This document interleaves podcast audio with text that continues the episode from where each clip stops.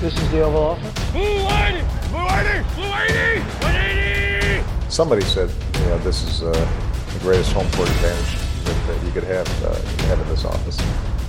180! Green 87! So that's the Oval Office.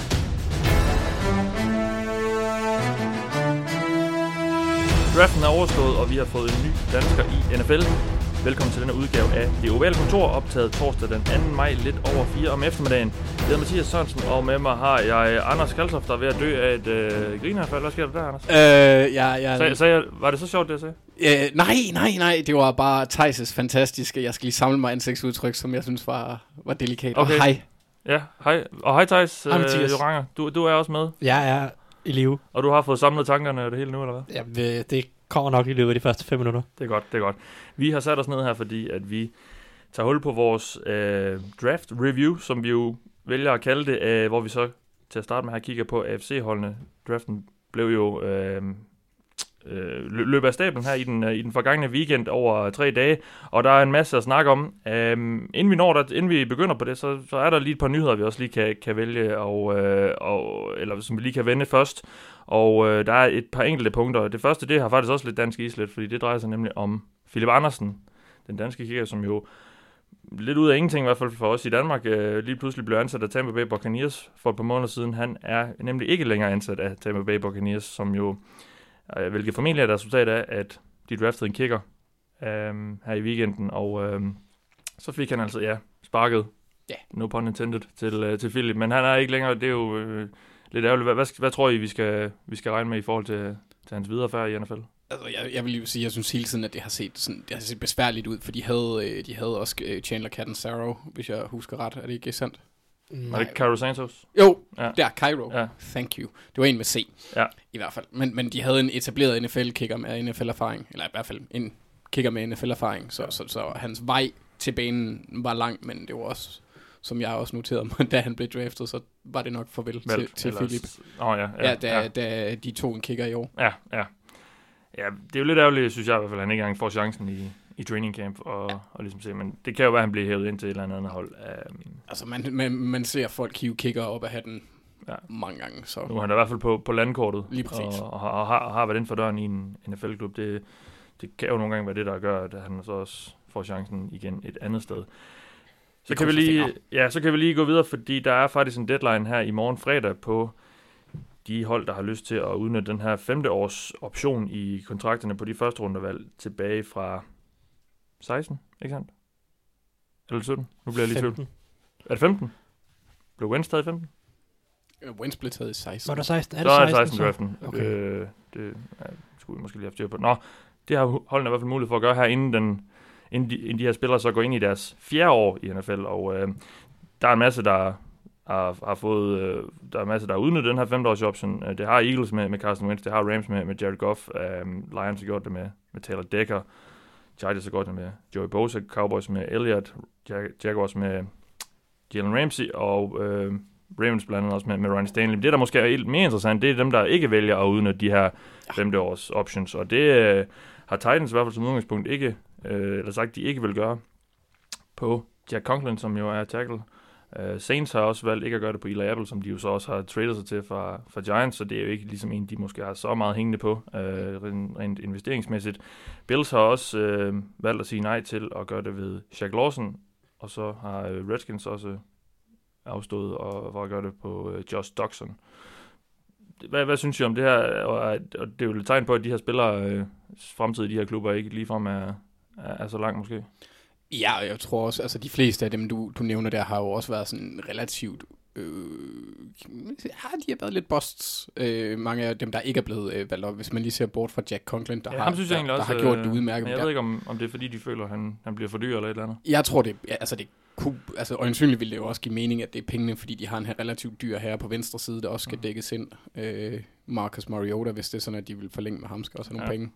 Ja. Der. Men niveaumæssigt, der, er han, der synes jeg, at han har levet op til Ja. sin. Thijs, er du overrasket over nogle af de her navne her? Nå, jamen, altså Conklin, Conklin er det mest nævneværdige, men altså, som I siger, han er meget dyr. Femteårsoptionen på øh, en top 10 højre tackle, eller en top 10 tackle er dyr, og Så, Ja, fordi det så er har jo, Han, øh, det, ja, hvad er det, det, det er gennemsnitsløn ved top 10, eller hvordan er det er? ja, det er noget med, ja, jeg har ikke styr på de præcise I det femte år, men ja. ja, det er noget med gennemsnitsløn Omkring for, 13 millioner. For en tackle? Ja. Okay. noget med netop sådan noget med gennemsnitsløn på de 10 dyreste tackles eller noget Ja. ja. Og altså, han rev jo korsbåndet over i slutningen af 2017, og han havde ikke så godt i 2018, og han var i forvejen rimelig overvurderet, da han blev valgt som All-Pro i sin rookie-sæson, hvilket Ja. var en komplet joke, men det er så en anden ting. Han, han gradede godt for PFF, og det kiggede folk på. At han så fik Ja. ja. uh, ualmindelig meget hjælp i pass protection af tight ends og running backs og alt muligt andet, det vælger man så at overse, og det vælger, vælger PFF at overse i den forstand, at de grader ikke spil øh, positivt, de grader kun negativt spil, altså det vil sige, at de starter positivt, og så er det kun, hvis de gør noget dårligt, at de bliver trukket fra, men hvis han så får en masse hjælp, så bliver, han, så bliver der aldrig trukket noget fra i den Mm. mm. grade i pass protection, og så fik han en meget, meget høj grade, okay. selvom han jo nærmest ikke spillede den samme position som nogle af de der rigtig gode højre tackles, som rent faktisk blokerer pass rusher en mod en, altså Ja. Lane Johnson, Mitchell Schwartz, øh, og så videre, så videre. Ja, okay. Nå, så lad os lige gå videre. Der er et par spillere, der har sagt øh, tak for nu på karrieren. Uh, Jamal Charles valgte at skrive under på en endagskontrakt med Chiefs, så han kunne gå på pension som en Chiefs-spiller. Og Sebastian Janikowski, som jo har... Øh, ja, men han har jo nærmest været i ligaen i en menneskealder. Øh, især for, for Raiders i mange år. Uh, jeg tror, de sidste år har han... Hvis vel nogen var det Texans, han også var i... Eller Seahawks, uh, Seahawks, i ja. sidste år også. Um, han har også sagt farvel. Seabass. Og apropos Raiders, så øh, mistede de running back Isaiah Crowell til en alvorlig skade her i ugen. Han sprang, øh, hans akillescene, sprang, så han er, kommer ikke i spil i den kommende sæson. De har så valgt at hente Doug Martin ind, som også var på holdet sidste år som en erstatning, og jeg ved ikke med jer, men jeg synes måske ikke umiddelbart, at det, det er helt stort tab, øh, de kommer ud med på, på bundlinjen her Raiders. Eller tilføjelse, Ja, kan man sige. Sådan, så nej. Nej. Running backs don't matter, så de har allerede draftet en i første runde. Det det. Jeg antager at ikke, at Crowell han havde Ej, han, var har, løbet, han har nok ikke løbet bolden 300 gange i den kommende sæson, Nej, så nej. nej. Så, men uh, der Doc Martin, ja, det, det, er, det er, hvad det er. Ja. Lidt ligegyldigt. Godt nok. Jamen, så lad os øh, gøre det, vi har sat os ned for at gøre. Netop snakke om draften, og vi starter som sagt med at kigge på AFC-holdene. Men inden vi lige begynder, så synes jeg lige, vi skal have sådan lidt en snak om, fordi jeg kan også huske øh, sidste år, da vi snakker om øh, draften øh, i, øh, sådan, og, og kigge den igennem og vurdere den, så var der sådan lidt det her med, altså kan man overhovedet vurdere den nu, og i hvor høj grad, og øh, hvad, hvad er det egentlig, man, man kan kigge på? Altså, synes I, fordi jeg synes jo måske, det er sådan lidt om sådan, der sidder allerede at sige nu, at det er godt eller dårligt valg, men, men man kan vel godt vurdere det lidt ud fra også det, det strategiske osv., eller hvad? Jamen, jeg kan ikke se, hvorfor man ikke skulle have lov til at vurdere det. Nej, Altså, man skal selvfølgelig anerkende, at draften nok er den mest usikre sportsbegivenhed overhovedet i alt sport på en eller anden måde, at der er utrolig mange misser for alle Ja. holdene, både for holdene, ja, for holdene og eksperter og alt muligt andet. Men jeg kan ikke se, hvorfor man ikke skulle have lov til at give sin holdning omkring, hvad der er foregået, og ligesom prøve at gætte og forudsige på, hvad der er, der kommer til at ske. Det gør man i alle mulige andre sammenhænge. ja, Altså, hvis man sidder inden sæsonen, må- man ikke have lov til at have nogle forventninger til, hvordan det går holdene i sæsonen, mm. baseret på netop det, du sidder og kigger på, øh, de, altså det, dit kendskab til spillerne, din, din føling for truppens sammensætning osv. osv. Det er jo de samme ting, du sidder og baserer en holdning på spilleren. Du sidder og har et eller andet kendskab til spilleren, har en eller anden kendskab til holdet, en eller anden sammensætning på holdet, et eller andet, øh, hvordan de passer ind. Hvis du ikke må have lov til at give en holdning til, hvordan du tror, det vil udvikle sig, Mm. så er der ikke ret meget øh, snak om sport, der vil være sjovt. Nej, det er Øh, altså, altså, min, min men- pointe men- er bare, at det er utrolig svært at forudsige, hvem der får succes hvor, og, Ja, ja, og, og men i høj grad. Det er jo så, som jeg siger, det må Ja. man anerkende, at, Ja. at draften er utrolig uforudsigelig, i hvert fald, eller resultaterne på draften er utrolig uforudsigelige. Og det må man så anerkende, og så må man så acceptere at- og indrømme de fejl, man så laver undervejs, øh, og påpege de fejl, som både en selv og andre eventuelt øh, laver i, i, i processen, eller mm. kigge tilbage på i hvert fald. Øh, og det må man så bare gøre, men altså, jeg, det, hvis man ikke må lov til at snakke om draften, så, så synes jeg, det, det, er, lidt, det, er lidt, det er lidt kedeligt i Ja. hvert fald. Men det er klart, at det synes jeg også godt, det er, klart, det er klart, at uh, resultaterne ser vi ikke før om Nej. 3-4 år, men jeg synes, jeg synes, det er fair at have holdning til, hvad der er foregået, og baseret på det, hvad man tror kommer til at ske. Mm, Men jeg kunne da godt forestille mig, at hvis man for eksempel var øh, David Gettleman, at man var en anelse træt af at svare på det spørgsmål angående øh, øh, valget øh, ved, ved, ved nummer 6 af Daniel Jones. Mm. Det kunne jeg godt forestille mig. At, at på den måde kan man jo godt sige, det virker, det virker tosset, men, men mm, who knows? Kunne han så ikke også bare tage sig sammen og bare sige, vi, vi kunne utroligt godt lide Daniel Jones. Jeg ved godt, Jo. det har han også gjort. Men Ja, jeg ved ikke, hvorfor han ikke også derudover skal finde på alle mulige undskyldninger. Nej. Jeg ved godt, at altså, som du siger, det, det, det ender med at blive en, en, en, en heksejagt på David Gettleman. Ja. Og jeg er ikke en stor David Gettleman-fan, som alle ved. Men jeg synes, det er latterligt at sidde og sige, at, at de burde ikke have taget ham med nummer 6, mm. hvis det er. Altså, hvis de godt kan lide Daniel Jones, så skal de tage ham. Og så skal, David, og, og, og, og, så skal David ja. Gettleman bare gå ud og sige, vi kunne godt lide ham. Ja. Det var vores mand. I stedet for at sige, at der var andre hold, der ville trade op, og der var rigtig... Altså han har siddet og siger, at "Jamen, der er fire andre hold, der godt kan lide øh, Daniel Jones. Det er jo lige meget. Der er ikke nogen andre... Der er ikke nogen, altså, du behøver ikke retfærdiggøre, Nej. øh, at, at andre hold kan lide ham. Bare sig, vi kunne godt lide Daniel Jones. Mm. Vi tager chancen på Daniel Ja. ja. Jones, og det er jo så fair nok. Øh, så der er sådan ligesom både dem, som kommer med en eller anden øh, fakkel efter David, øh, David Gettleman, er det latterlige, og jeg kunne ikke lide Daniel Jones, men jeg, øh, da jeg gav karakter ind på gul klud, der gav jeg ikke Giants nogen lav karakter, fordi de manglede en quarterback, og de tager chancen på en quarterback. Ja. Det, kan jeg ikke, øh, det kan jeg ikke have dem for. Øh, at jeg så ikke nødvendigvis tror på Daniel Jones, det er så en anden ting. Den, det kommer vi til i, Ja, næste uge. Ja. Ja, ja, men, Men det- men det var- altså, Det var så heller ikke for at forsvare David Gettleman, fordi den måde, han ligesom giver svarene på, er jo netop, og at han puster til den ved at komme med ekstra sådan lidt kryptisk, eller sådan lidt, hvordan kan du vide det, agtigt, når han nævner Redskins og Bruce Allen, og så kommer der hele den der følgetong med de to tosser, der skal... Jamen, han går i sådan en forsvarsmode, ikke? Ja. I stedet for bare at sidde og sige, jamen, vi kunne godt lide Daniel Jones, og det, derfor tog vi ham. Vi har brug, eller vi vil have en quarterback for fremtiden. Men I er stedet din, for at komme med alle mulige lamme undskyldninger. er din pointe ikke også, Anders, at vi, vi får ligesom at se, altså, hvad, det, Jo. det, altså en ting er, at man, man kan kritisere det nu, men, men lad, lad os nu få, få, få spillerne på banen. Ja, lige præcis. Altså, der er stadigvæk noget, der skal foregå på, på, på grøntsværen, før vi ligesom kan lave den, den endegyldige konklusion. Men jeg kan godt forstå, Ja. at folk er forvirret, Ja. og at folk har meninger omkring det. Ja. Men, men jeg synes også, at man skal lige prøve at se sådan små skridt. Og, og det må I også gerne gentage til mig senere, når jeg begynder at svine nogen til. Ja, ja, det fandme. Så altså, vi er enige om, at man godt kan øh, vurdere en draft, og, og også på nuværende tidspunkt, men man altså, at man også ligesom skal have de her forbehold med, at ja, det, det er uforudsigeligt, og men vi kan, jo så, vi, kan jo, vi kan jo godt sidde og vurdere nu, synes vi, at den her spiller passer ind i det her det system, og mm. Synes vi, det var rigtigt at tage en på den og den position i den og den runde, og med det og det valg og så videre. Øh, hvordan spiller den enkelte spiller så gør det, det, er jo, det må de jo så op selv bevise. Nå, inden vi øh, øh, går videre, så, så har jeg spurgt jer, hvad sådan overskriften var på årets draft, sådan et, et overordnet take på, på begivenheden. Altså, synes I, der var en eller anden tendens, eller hvad, hvad, hvad er det for en overskrift, I vil sætte på årets draft? Thijs, du kan eventuelt begynde. Jamen, øh, jeg tror, at mit take var, at NFL-holdene virkelig, virkelig, virkelig ikke kunne lide det, jeg kalder alle fantasy-positionerne. Ja, øh, minus tight end. Øhm, men altså right receiver, quarterback, running back. Der blev ikke taget ret mange. Der blev ikke taget ret mange ret højt. Mange af de, mange af de folk, som på en eller anden måde var hyped, faldt meget længere, end man forventede. Og altså, der blev valgt det færreste antal wide receiver siden 2013 i, i en draft. Øh, quarterbacks, hvad, øh, der, blev, der blev ikke traded op efter en eneste quarterback i, øh, jo, først i anden runde med Drew Lock, men altså, Mm. Carter Murray blev taget første overall, det er så, hvad det er. Der var ikke nogen, der traded op for Daniel Jones, der var ikke nogen, der traded op for Dwayne Haskins, og Drew Lock faldt helt ud af første runde. Derudover gik der jo længe inden, at Will Greer og Ryan Finley og sådan nogle typer gik øh, i slutningen af tredje runde, starten af fjerde runde. Altså, og, ja, og running backs, der blev valgt to running backs i første og anden runde til sammen.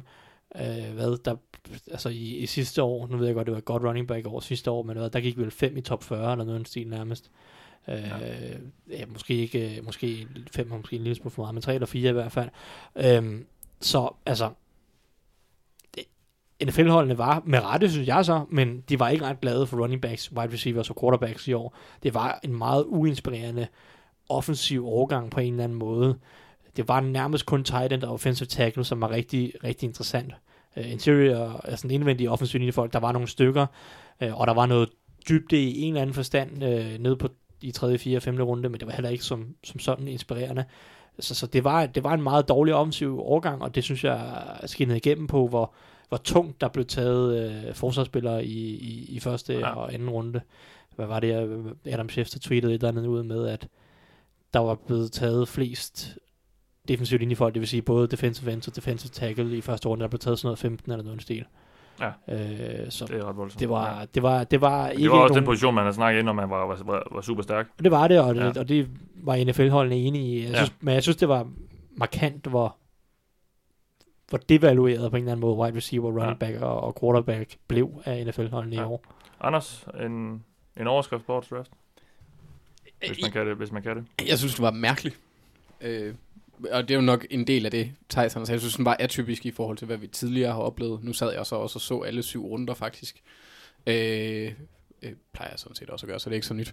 Øhm, men øh, men, men den, var, den havde bare en, der var en anderledes stemning omkring det. Jeg ved ikke helt, hvordan man kan definere det, og det er nok ikke noget med Nashville at gøre, eller at Alexander han måske kunne draftes på grund af det kick, han havde.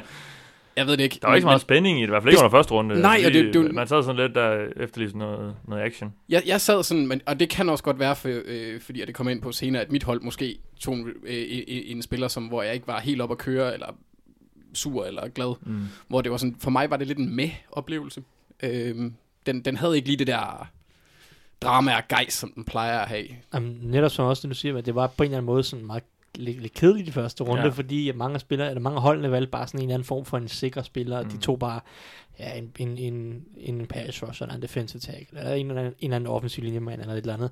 Men der manglede måske netop noget sådan virkelig, virkelig top-talent. Altså nogle af de her spillere, som holdene vil trade op efter. Ja.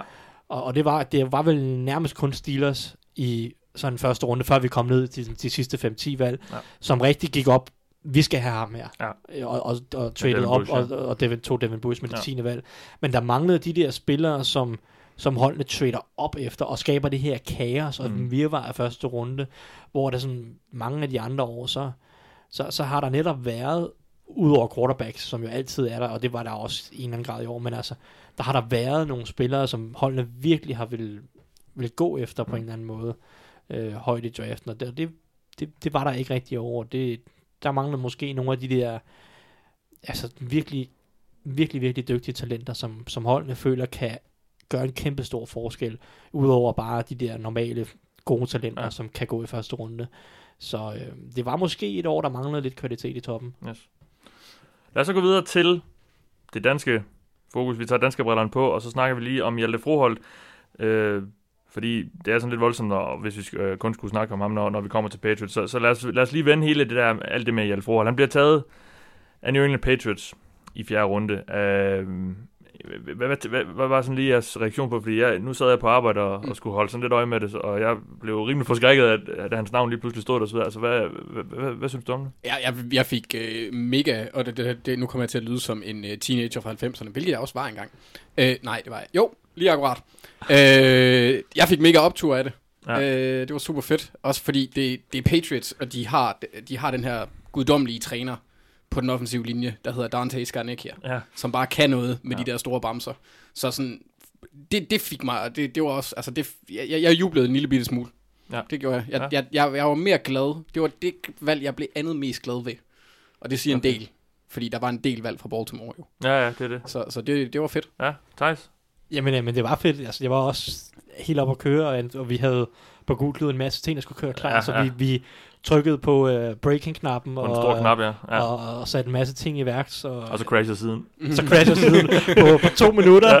Ja. Uh, det, var, det var fantastisk Ja. Uh, underholdende, og altså, jamen, altså, der, der var både, altså, det var, det, var, det var selvfølgelig utrolig fedt, og så var der også den der, hvorfor skal Patriots bare få det hele? Ja, ja, hvorfor skal de få det hele? Ja, Uh, så det, det var, det, men, men det, det, er jo, det er jo fantastisk. Det er en fantastisk øh, mulighed for, for Hjalte Ja. Og det var, jamen, altså, det var, det var overraskende, det var, det var, det var skønt, og det var sjovt. hvad synes vi om, øh, altså, vi har snakket lidt om, hvor kunne man blive draftet, og, og der har måske hele tiden været forventning om tredje dagen, starten på tredje dagen. Det blev det så også, så, så der er vel ikke så meget overraskelse over det, eller hvad? Ja, Jeg, synes, jeg, jeg havde forventet femte runde, Okay, eller sjette ja. runde måske umiddelbart. Men det var ikke måske så chokerende efter de første to dage, hvor der blev taget en del offensiv linjefolk, Mm. mm. specielt der i tredje runde, der blev der faktisk tyndet ret godt ud i mange af de, både de indvendige offensive linjefolk og offensive tackles. Så da tredje dagen startede, så sad, man, i- så sad jeg i hvert fald og tænkte, okay, der er en chance for, at han går blandt de fem første offensive linjefolk. Og det, om det så lige bliver i fjerde eller femte runde, det er så svært at sige. Jeg tror, jeg, jeg sad i hvert fald med fornemmelsen, det bliver ikke senere end femte runde, da, Nej. da tredje dagen gik i gang. Det blev så allerede fjerde runde. Inden draften var jeg jo sådan, okay, fjerde til sjette runde, nok mere sandsynligt med sjette runde end fjerde runde, men, men, men der tog jeg altså fejl. Ja. Men, øh, men, men det er fedt, at han drafter. Vi har hele tiden haft øjnene der på 4., 5., 5., 4., 5., 6. runde, og det har vi nærmest haft siden øh, ja, hvad skal man sige, øh, slutningen af, af november, december ja. måned. Jeg tror, jeg tror, jeg sad her i podcasten og sagde efter Alabama-kampen, at Øh, han, han skal nok blive draftet. Mm. Og jeg tror, jeg sagde også efter den kamp, at hvis han spiller, som han gjorde mod Alabama i alle kampe, så kan han gå i anden runde. Det gjorde han så ikke. Nej, Øh, og så gik han så noget, noget senere, trods alt. Men altså, det passer meget godt. det, det passer meget godt, og jeg, jeg tror, at vi nogenlunde har sagt 4., 5., 6. runde her i podcasten Ja. ja. de sidste mange, mange måneder. Og det endte jo så med at, at, at være rigtigt, og det, øh, det kan vi så være glade for. Hvad er det, øh, nu, nu ved vi jo ikke, hvad der foregår ind i hovederne på, på Bill Belichick. Øh, det er der ingen, der gør. men, øh, Men, betaler mange penge for at vide det, ja, nok, men, øh, men hvad, hvad er det, øh, hvad, hvad tror I, det er, der har fået dem til at, at tage ham? Altså, hvordan passer han ind? Kan vi sige noget om det? Jamen altså, for det første så hjælper det ham garanteret, at de har Brett Belima i trænerstaben. Altså, mand, Arkansas jo. præcis, Ja, manden, ja. der rekrutterede Hjalte Ja. ja. til Arkansas, godt nok for at spille defensiv linje, men det var så også manden, der flyttede ham til offensiv linje. Mm. Øh, så, det er, så der er et helt sikkert en masse kendskab til, til, øh, til Hjalte Froholt som person, som, Ja. som Patriots har følt sig komfortabel ja, ja, så, som ja. Patriots har følt sig komfortabel med. Så det har helt sikkert hjulpet ham. Øhm, og så, jamen, så passer han godt ind i den forstand, at han, han er altid og, og, er atletisk på en eller anden måde, og så har han noget, noget upside, som nogle af de andre måske mangler ved det andet på tredje dagen. Øh, og, og Patriots har ikke et, et, et kæmpe stort mangel på den offensive linje lige nu indvendigt. De står ikke og mangler en starter på guard eller på center eller noget, som nogle andre hold gør. Og så på den måde, der, der kan man ligesom bedre og ligesom, i hvert fald give ham til Dante, Dante Skarnecki, netop fordi der er den her, der er lidt potentiale med, med Hjalte Froholsen, atletiske evner, kan man give ham til Dante Skarnecki og sige, okay, nu har du et år eller to til at Mm. arbejde med ham her, så kan vi udvikle ham, og så kan han forhåbentlig blive starter øh, inden, for, inden for et år eller to. Øh, altså, når du vælger en spiller i fire runde, så har du et håb om, han kan blive en starter. Ikke lige med det samme, men lidt længere ned ad vejen. Ja. Øh, og, og det, det har nok været, været interessant for Patriots, netop den her upside, de kender hans person. Øh, ja, det forhold sådan ret alsidig øh, spil, altså han kan, det, han kan det meste ret godt, og han mangler måske så også en spidskompetence, men mm. det hele er sådan rimelig fornuftigt, Ja. så der er et rimelig fornuftigt fundament, og Patriots har også øh, måske nok øh, et af de mest alsidige offensive systemer, så de kan godt lide at have folk, der kan gøre mange ting øh, på angrebet, fordi de har ikke et klokkeklart system. Der vil sådan, Sean McVay for eksempel, han har ligesom, han har hans system, ikke? Mm. og det, det er der sit system, og det kører bare med de samme type spil, eller det, det er det hans typer af spil. Der er Patriots mere alsidige, og vil gerne være i stand til at kunne skifte ident- identitet mere, og der er en altidig mand, som Hjalte Froholt på en eller anden måde attraktiv for dem. Hvad, hvad tror du, Anders, vi skal forvente i, i år 1? Fordi nu, nu bliver det også nævnt, de, han, de mangler jo ikke ligefrem en, en guard, øh, som, eller en, en startende guard. Øh, så, så det er vel en backup rolle eller noget, vi, vi skal se ham i. Øh, jeg forventer ikke andet, med mindre at der kommer skader til Mason eller. Tooney. Øh, man kan jo så også sige, på den, på den lange bane, der har Tooney, han har et kontraktudløb efter den her sæson. Øh, så det kan jo også være Burde han hvor groomet der? Ja, lige ja. præcis. Og også, når man, når man tager en spiller i fjerde runde, så har man også øjnene længere frem end bare næste Ja, år. Så, så, klart. så ja, jeg, jeg, jeg går ud fra i år, at det bliver en backup-rolle, men ja. sådan, jeg kunne godt forestille mig, og det, det har jeg sådan generelt en forventning til, når øh, Belichick og company, de tager en spiller, at de har en plan for ham. Ja. Øhm, og med den trænerstab særligt, altså det er før nævnte Skarnik her, der, Jamen, så det er det, kunne jeg ja. forestille mig, at han virkelig kan udvikle sig enormt Ja. meget. Det er også det, jeg synes, der gør det så fedt. Altså Ja. det der med, at han, han ender bare i en perfekt situation. Lige præcis. Øh, altså, og med de bedste træner, både på headcoach-niveau og, og på positionstræner. Altså Hjalte Froholts job i år, det bliver at vinde backup-jobbet. Altså Ja. det primære backup-job. Ja. For de kommer nok til at have to indvendige offensive linjefolk på rosteret. Den ene bliver Hjalte Froholt med øh, 99% sikkerhed, fordi det er meget, meget, meget sjældent, du cutter et fjerde rundevalg. Ja. Øhm, så han, han får det ene af de to rosterpladser, men så skal han så vinde jobbet, eller sådan det top backup jobbet, fra enten Ted Karras formentlig, eller Brian Swinke, øh, om at være den primære backup på de tre indvendige positioner. Mm. Fordi den primære backup på de tre indven- indvendige positioner vil formentlig få en hjelm på kampdagen, og den anden vil formentlig være inaktiv. Nå ja, ja, ja. Øh, og det bliver det første job for det, eller det bliver det primære job for Hjalte Vrohold i preseason. Det er at, at, at være så langt fremme i sin udvikling, øh, eller at være så langt fremme i, i sådan bare mentalt, så trænerstaben stoler på, at hvis der opstår et eller andet i løbet af en kamp, så kan vi sætte ham Ja, ind. Øh, og, og det bliver det, det, bliver, det, det bliver det primære mål, tror jeg, for Hjalte Froholt her i den første sæson, eller det synes jeg, det skal være i hvert fald. Det er, at han skal se, om han kan få vristet formentlig øh, jobbet fra Ted Karras, øh, jobbet som den primære indvendige offensive linjemands backup. Ja. Langt ord. Godt. ja, præcis. Lad os så begynde på øh, vores gennemgang af holdene, og vi kører divisionerne igennem øh, nord, syd, øst og vest, og øh, jeg har bedt jer om at til at starte med komme med sådan en overordnet vurdering på, på, det, ene, på det enkelte holds draft, og øh, så har jeg bedt om at tage stilling til, om der er noget, der overrasker i forhold til det, vi snakker om før draften i de previews, vi lavede, um, og så komme med et par bud på de to valg, øh, eller de, de valg, I bedst kunne lide, og så de valg, I mindst kunne lide. Um, og vi starter lige med dig, Anders, med Baltimore. Ja, um, ja.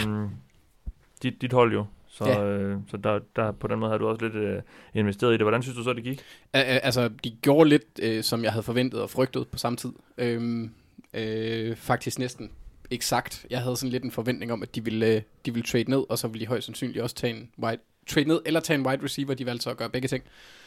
Øhm, jeg er ret tilfreds med det, selvom jeg egentlig hellere ville have haft en, en anden Brown end, end Marquise. Jeg ville hellere have haft AJ. Okay, ja. Øh, jeg ville sådan set også hellere have haft Nikhil Harry, og eller den jeg allerhelst ville have på det her tidspunkt, det var Montez Sweat. Øh, så altså, ikke fordi, at, at, at Marquise Brown han er en dårlig spiller. Og det virker også som om, at Ravens havde en klar plan i løbet af draften, i hvert fald på, offensiv, øh, på den offensive del, om at der skulle tilføjes fart. Så de har en idé om, hvad, hvad der skal ske med det angreb. Og det, Ja. det, det fulgte, fulgte de. Øh, og det må jeg jo kun sådan kunne, kunne, kunne respektere. Og man kan også sagtens argumentere ud fra, at, øh, at det var den bedste på brættet, de to i første runde, hvis man skuler lidt til behov. Ja. Hvis man skuler meget til behov. Ja. Øhm, øh, så vi gik nemlig øh, ind til, til draften med store huller på, på wide receiver og pass rusher. Øhm, og så selvfølgelig også på venstre guard, øh, som, hvor vi har Alex Lewis lige nu, hvor vi fik Ben Powers fra Oklahoma, et college, vi lige pludselig er blevet, de er erstattet af Alabama. Ja, ja. Øh, så synes bestemt, at det ser lysere ud, og så samtidig oven i det har vi godt 8,5 millioner på kappen, når vi har betalt ru- øh, rookie-klassen. Så der er stadigvæk nogle penge at rykke rundt med frem efter, Ja. så umiddelbart så, så er jeg så sådan udmærket tilfreds. Var der noget, der, der sådan overraskede dig i forhold til det, vi snakkede om inden? Fordi vi nævnte jo blandt andet efter free agency, at der mangler lidt på, på forsvaret, eller de i hvert fald blev, blev ribbet lidt der, øh, og du siger også, at du må, måske gerne har set uh, Montez Sweat, øh, sådan gik det så ikke. Nej, øh, altså, det er jo fordi inde i mit hoved, nu havde vi ikke noget anden rundevalg. Det, vi, vi kørte den sådan, og det, ja, det kan jeg egentlig også godt komme ind på senere, for jeg er egentlig tilfreds nok med en af de spillere, jeg vil, jeg vil fremhæve, øh, som i valgte opfylder lidt den rolle, Ja. med vores, øh, vores tredje rundevalg i, i Ja, Jalen, bare, Jalen Ferguson, fordi selvom, selvom han ikke er den, sådan, den store atlet, og havde nogle dårlige pro days, øh, så er han ikke dårlig. Øh, han, han, havde, han er blevet prøvet at tage lidt mere vægt på i offseason her, for at kunne vise noget mere til holdene, og det, ja. han var så en af dem, hvor at det så virkelig påvirkede hans øh, atleticisme. Mm. Øh, så det var ikke, ikke så smart. Men hans combine-tal, de ligger sådan i omegnen af gennemsnittet for positionen. Det er, sådan, det er meget tæt på. Ja. Øhm, han, er, han, han er ikke så fleksibel, og han har problemer med at holde sig lav og vedligeholde fart.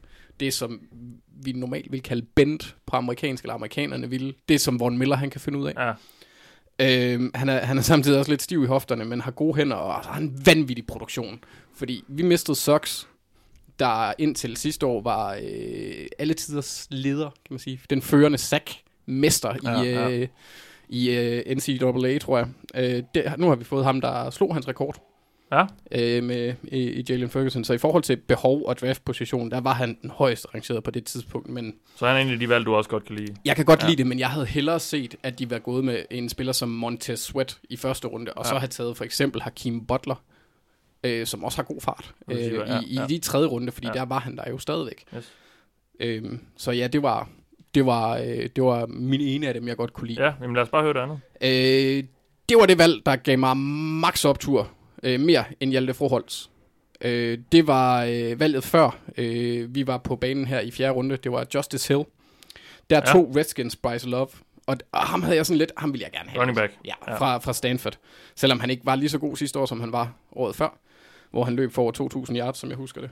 Øh, han var en spillertype, jeg gerne ville have fat i. Sådan en lille, lille Væver. Ja, satan. Ja. Men ikke... Øh, så midt i min, øh, det jeg vil kalde sorg, måske, der gik jeg lige ind og tjekkede, fordi der kan man, hvad er Justice Hill egentlig stadigvæk? Og så går jeg ind og kigger, og det er han, og i det sekund, jeg ser, at han er der, så tigger valget ind på, på klokken, og så jubler jeg jo lidt, fordi I guder, øh, hvor er det en spiller, vi mangler. Vi har ikke Mm. rigtig nogen, altså vi prøvede med Kenneth Dixon for nogle år siden, men han har været skadet, der er ikke rigtig præsteret. Øh, ikke den samme type, men Justice Hill, han har, han har, øh, han, han, han kan tage den hele vejen, øh, uanset hvor han får bolden. Ja.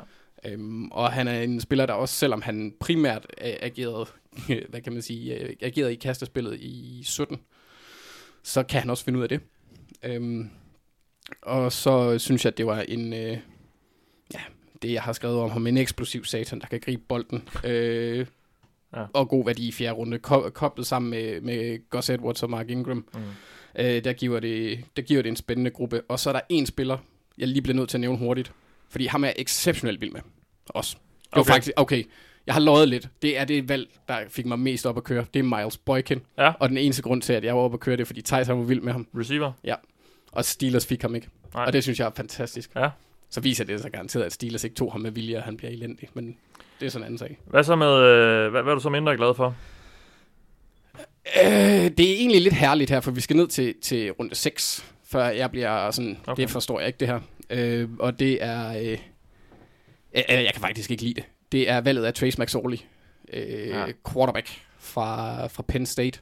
Han er, øh, han er en fin atlet, men han er ikke nogen god quarterback. Nej. Øhm, Harbaugh har været ude og udtale, at han, øh, eller de spurgte oplagt ind til det, da han blev interviewet. af tænker I Taysom Hill her? Ja. Og så Harbaugh Som er Saints' uh, alle mulige mand. Lige Øh, præcis. ja, og, og, og Harbour, han laver den øh, typiske, ja, det er jeg faktisk glad for, at I spørger, det er lige præcis det, vi tænker. Okay, ja. Øhm, men, men jeg tror bare ikke, det har den samme effekt, fordi der er trods alt en atletisk forskel. Godt nok øh, løb han en 40 yarder på 4,57, til som Hill havde en 4,44. Så der er en lille forskel, men vi har ikke Sean Payton heller, og Nej. vi har heller ikke Drew Brees. Så det er sådan, den dimension, han tilføjer angrebet, har vi i forvejen. Både i RG3 og i Lamar Jackson, medmindre de regner med, at han bliver en eller anden sindssyg gunner, for der kommer de Mm. igen. Nej. Så, så altså, det er godt nok kun et, et shit Og derudover skal Taysom Hill også, projektet også bare der drosles markant ned, end hvad Ja. de kørte sidste år. Ja. Det var, altså, det kan godt være, det er sjovt, ikke? Men det, Ja. ja, Det altså, var meget, ja. det var for meget at Ja. pille bolden ud af Drew Brees Især, så meget. især da, når han blev bedt om at kaste dybt og sådan noget. Det, det var helt skidt. Nå. Så det virker lidt fjollet, synes Ja. ja. jeg. Øhm, og så er jeg, det sidste, det er Marquise Brown. Jeg, jeg er egentlig ikke decideret utilfreds med det. Men jeg er skeptisk hver gang Ravens tager en wide receiver i første runde. Ja. Ja. Det har vi ikke haft held med før. Øhm, nogensinde. Vi har taget tre. Travis Taylor i 2000 som nummer 10. Mark Clayton i 2005 som nummer, nu skal vi lige se, 22. Og så Brashad Perriman som nummer 26 i Ja. ja. 15. Og de har alle sammen suttet en ordentlig ben. Ja. Øhm, så det, det, det bekymrer mig lidt. Han er samtidig også en meget tynd receiver. Så det, Som har en fodskade. som har en fodskade, det gør jeg altid Mm. også. Gør en, en Liz Frank. Ja. Yes, det er altid godt for de speedy. Ja. Så det gør mig også ekstra bekymret. Okay. Øhm, så altså, jeg håber selvfølgelig på, at de sammenligninger, der er kørt med Deshaun Jackson, at det det bliver til. Og at han ikke bliver ligesom den tidligere ja. Oklahoma receiver, vi tog, Mark Clayton, og bare ikke var god. Men, men jeg er sådan, jeg, jeg er meget... Øh, Ja. ja. ja, den er jeg lidt usikker på. Okay. Men, ja. Jamen lad os så gå videre til Browns, Thijs. Ja, ja. Hvad synes du om øh, det, det, de gjorde? Fordi de havde jo ikke noget første rundevalg. Ej, jeg, kunne godt lide, jeg, jeg kunne godt lide deres første runde. Ja, det, det vekslede de så til en, øh, til en ret god receiver, kan man sige. Så på den måde har de jo så fået lidt ud af draften. Præcis, og, og det var f- netop på grund af det, de havde gjort der, og så meget, de har gjort i free agency og i draften sidste år, der føltes det lidt som en draft, der egentlig ikke rigtig skulle forstærke holdet markant. Altså det var ikke et hold, der gik ind til draften og tænkte, okay, vi har virkelig brug for det her og det her og det her. Øh, De har lidt alle de brækker, de skal Mm. bruge i forvejen, og så var det bare at tilføje noget ekstra dybde, noget ekstra Ja. ja. konkurrence og måske noget fremtidsperspektiv på nogle af positionerne. Øh, jeg synes, det var en okay draft for Browns. Øh, det var ikke alle valgene, jeg var lige enig i, og jeg, der var nogle ting, jeg, må- jeg ville måske gerne have set dem prøve at drafte en offensiv tackle på et eller andet tidspunkt, lidt før øh, de draftede overhovedet ikke nogen, øh, så jeg kunne godt have tænkt mig at se dem prøve. Jeg synes stadig, der var nogle fine nogen i 3. 4. runde, nogen der var værd at Ja. tage et skud på, fordi jeg, jeg er ikke super solgt på øh, de to, de har lige nu, Chris Hubbard og, og Greg Robinson, og jeg er ikke super solgt på sådan, det lang, langtidsmæssige øh, perspektiv i dem og, og planen der på lang sigt. Øh, men altså, jeg synes, jeg synes generelt, at de, de gjorde det okay, og det vigtigste var nok at få tilført nogle ekstra folk øh, til deres secondary, og det gjorde de i høj grad, Mm. specielt med deres første valg af, af, af Greedy Williams, og så også i øh, fjerde runde med Sheldrick øh, Redwine fra øh, Ja. en, en safety. fra The U, Yeah. som Anders han er det var fan af. man, man får lyst til sådan, red, red wine. Ja. ja. Ja, så, tog de, så tog de også en kigger, og, og det skal man selvfølgelig heller aldrig gøre, men, Nej. øh, men, øh, men det gjorde de, og det Ja. må vi se. En kigger, som aldrig har ramt et spark på over 51 yards i, i, i college. Jeg forstår stadig ikke, man drafter hverken kicker eller punter. Altså, Nej, det, det- ja, det- pon- Ponder kan jeg til dels forstå. Jeg vil ikke gøre det tydeligt, nej. øh, men jeg kan til dels forstå, at man, man måske kunne finde på at gøre det i 6. 7. runde.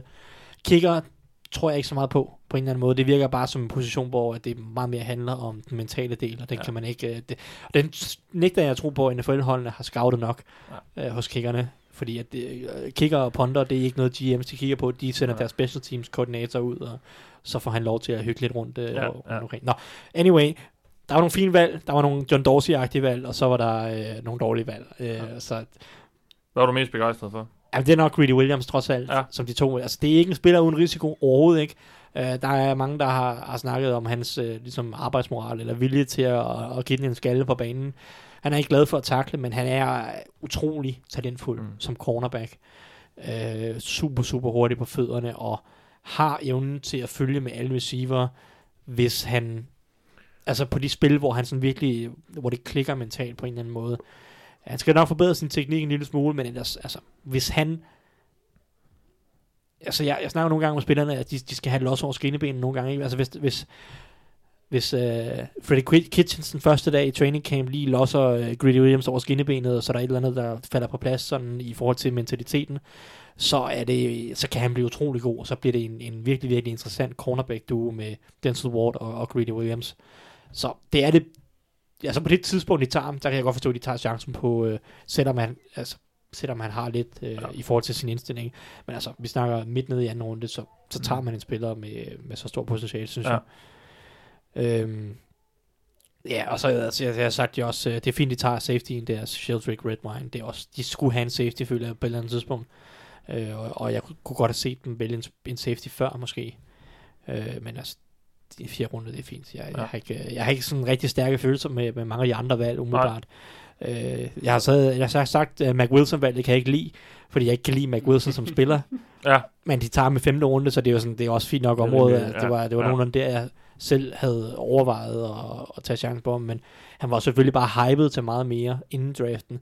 Øh, Men jeg synes ikke, han er specielt god. Men øh, altså, jeg synes ikke, det er en draft-overgang, der, der gør den store forskel på Browns i år. Nej. Tror jeg. jeg. Er ikke sikker på, udover Greedy Williams, så er jeg ikke sikker på, hvor meget de andre egentlig er i spil til at bidrage, udover kickeren, som så selvfølgelig måske godt kan vinde øh, et, et, et job som kicker. Ja. Men jeg tror ikke, de andre kommer til at hjælpe Browns ret meget i år, umiddelbart. Nej. Det er mere lidt ned ad vejen, at Taki Taki måske kan blive en starter. For det er godt valg, selvfølgelig. Det, det er jo godt navn. Det må vi nødt til at Ja, anerkende. dejligt trods navn, ja. Man- Sione. man- Vi må anerkende, at når, når hold vælger spillere med gode navne. Ja. Sione Taki Taki. ja.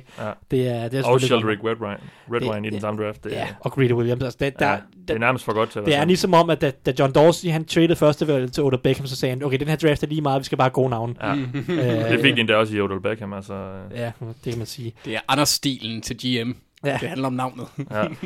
Så altså, jeg synes, det var en okay draft. Øh, Jeg tror ikke, den kommer til at gøre det store forskel for Browns i Nej. år, men øh, de har også spillerne til at, at, være gode alligevel. Så.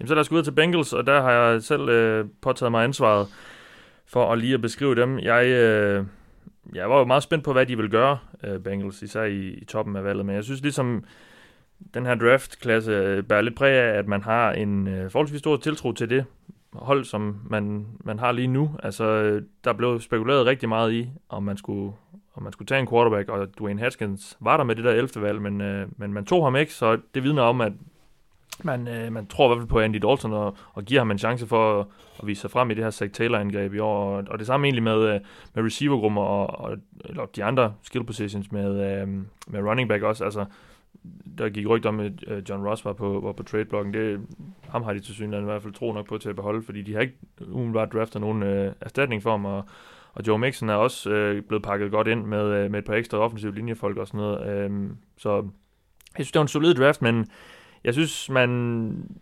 sidder tilbage lidt med en fornemmelse af, at der skulle måske have været hentet et eller andet playmaker-type-agtigt ind til, til forsvaret, fordi det var ved Gud ikke særlig godt sidste år, og øh, jeg synes på en måde lidt, at, det, at de problemer, der var, der er blevet lidt negligeret øh, i år. Jeg ved godt, man måske ikke kan drafte sig til en revolution på forsvaret, men altså det så skidt ud sidste år, og jeg synes, den manglende dybde, især også på linebacker og sådan noget, den blev lidt udstillet. Nu har de godt nok også draftet et par stykker, men øh, ja, jeg, jeg, jeg kunne godt tænke mig at have fået lidt mere på forsvaret. Mm. Um, Men du er fan af Jonah Williams, vel? Ja, det, det fører mig så over til, øh, hvad, hvad jeg kan lide, og, og, og jeg var rigtig begejstret for valget af Jonah Williams, fordi det er ved Gud ikke, og, og det, det er ved Gud ikke særlig sexet, men, men det, det, det virker som en, han virker som en bundsolid spiller, og det kan godt være, at han ikke bliver en all-pro tackle de næste øh, 10 år eller sådan noget, men, øh, eller Pro Bowl for den sags skyld måske, men jeg tror på, at han kan bidrage med noget stabilitet på den her offensive linje, som har været rigtig skidt i, i et par år, og øh, jeg tror, han er sådan en, man kan, man kan sætte ind, og så han vil ikke måske have de helt store øh, udsving, men, men han, han, vil, han har en bundniveau af højt, og, øh, og han, kan, han kan give noget stabilitet. Jeg er spændt på at se, hvad det betyder, fordi de draftede også en, øh, en anden offensiv linjemand i Michael Jordan. Mm. Ja, bare navnet får jo en til at, at tænke store tanker. Slam Øhm, dunk. Ja, præcis. Øhm, men man har tilføjet noget dybt på den offensive linje, og jeg kan ikke lade være med at tænke på, at der må være nogen af de veteraner, der er der lige nu, som måske har lidt et, et job på spil. Jeg ved ikke, om Glenn Bowling, det har der været snak om i noget tid efterhånden, at, han, at den, den ellers faste venstre guard skulle være, skulle være lidt på kanten måske, og, og Cordy Glenn kan man også komme af med igen, uden de helt tror, han viser sig ikke som har været en helt stor revolution sidste år, og er også lidt skadespladet, så jeg er spændt på at se, hvad de gør med Jonah Williams, fordi han spiller jo venstre tackle i, i college de sidste par år her, og, og gjorde det rigtig godt, og øh, jeg håber lidt på, at det betyder, at Bobby Hart ikke skal, skal starte øh, det, her, det her valg, øh, og så man, man beholder Cordy Glenn i hvert fald en sæson mere. Øh, ja. Andre det- valg, du godt kan lide? eller? ja, men jeg vil egentlig også fremhæve Jermaine Pratt, fordi man var jo lidt på udkig efter, altså, det, det var lidt givet, at man ville, man ville gå efter noget linebacker, og jeg tror også, de havde taget Devin Bush, hvis ikke Steelers øh, havde gjort det før, eller Denver, som så havde valget før Steelers øh, gjorde det. Så tror jeg, han havde været valget, øh, men jeg kan egentlig godt lide, at man, man klapper hesten lidt, og så, og så venter til at tage øh, Jermaine Pratt, som han er nok ikke nogen opgradering, men jeg tror på, at han kan komme ind og, og være en solid, jeg ved ikke, om han starter, men i hvert fald en, der, der kan spille en, en del snaps per Altså, kamp. hvis han undgår at blive suspenderet i 4-6 kampe, så er han opgradering. Ja, præcis. Allerede der. Uanset hvad, så har han noget fart i hvert fald, Ja, som det er det. Bengals har manglet Ja. på deres forsvar generelt. Ja. Øh, så, så, så jeg kan jo godt lide Jermaine Pratt, Ja. også som spiller inden draften. Og jeg synes, det er fint at vælge ham i dag i tredje runde. Um, I forhold til, hvad jeg så ikke kan lide, jeg bliver nødt til at fremhæve Drew Sample uh, i, i anden runde. Jeg sad virkelig og håbede, fordi der var så mange fede spillere tilbage på bordet, da de, øh, da de skulle vælge der um, fredag, um, fredag aften, fredag nat. Um, og det var sgu lidt en flad fornemmelse, når man så så, at det var Drew Sample. Jeg, ikke, egentlig ikke, fordi jeg tror, at han kan sikkert godt ud, udvikle sig til at blive en, en solid rollespiller. Uh, altså, altså komme ind og, og udfylde en rolle på det her angreb. Altså, men Vi snakker anden runde. vi snakker anden runde, ja, og han, han er en, en tight end, som jeg i hvert fald har kunne læse mig til, som øh, hvis styrke ligger i at kunne blokere. Altså, han er ikke noget han var våben, den bedste blokerende Ja. ja. øh, tight end i årgangen, synes jeg. og det er jo sikkert fint, og det er også, det er også fedt at, at have sådan en, men øh, jeg synes bare, når man ser på, hvad der var tilbage på det tidspunkt, altså at, at, spændende typer, man kunne have hentet ind på, på angrebet til at, at spice det op på en lidt anden måde, altså Michael Hartman, Paris, øh, Paris Campbell, øhm, Andy Isabella, DK Metcalf, og der var også et par safety, som jeg altså, havde lidt øjnene efter Taylor Rapp, havde jeg, havde jeg havde et lille crush på, og, og Thornhill også kunne, kunne have været fed, men ja, det, det, det, det, og det er også det valg, der sådan har, har fået mest kritik efterfølgende. Øh, Jamen også bare fordi, han, havde de han, lavet det i fjerde runde, så, så, så kunne jeg måske leve med det. Absolut, men altså, det var fordi, han, han blev slet ikke brugt som receiver i college, praktisk talt ikke hos Nej. Washington. Og det er så også noget med Washington at gøre, at de, at de bruger ikke deres tight ends ret meget. Øh, så måske er han en bedre receiving tight end, end man skulle forvente, Ja. men man har bare ingen chance for at vide det, Nej. synes jeg. Og det Nej. er sådan lidt det der, man tager lidt Ja. et, et skud på noget i blinden på en eller anden måde. Ja. Men er det sådan lidt en, en, en helgardering af, af Tyler Eifert, fordi de, de har jo også skrevet med Usuma. Men han så- kan jo ikke gå ind og han kan jo ikke, i hvert fald virker det til, ikke gå ind og udfylde Tyler Eifers rolle. Altså han kan jo ikke være det der playmaker-våben der, i, Mm. øh, altså, som, som Tyler Eifert er øh, på samme måde.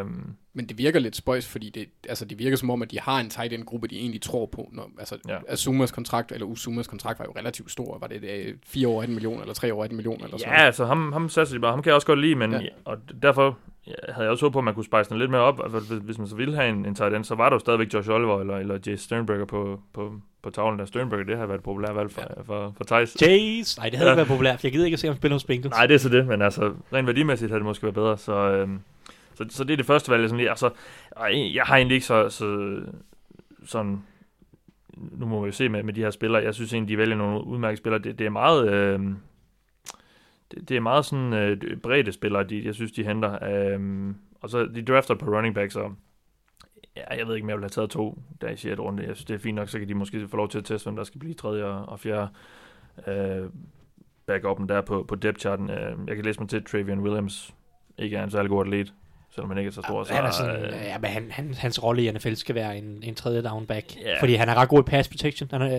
Ja. Det er sjovt, han er et lille bitte, men han er pisse god i pass protection, Ja. fordi han, øh, han er ikke bange for kontakt, Nej. som nogle mange andre running backs er.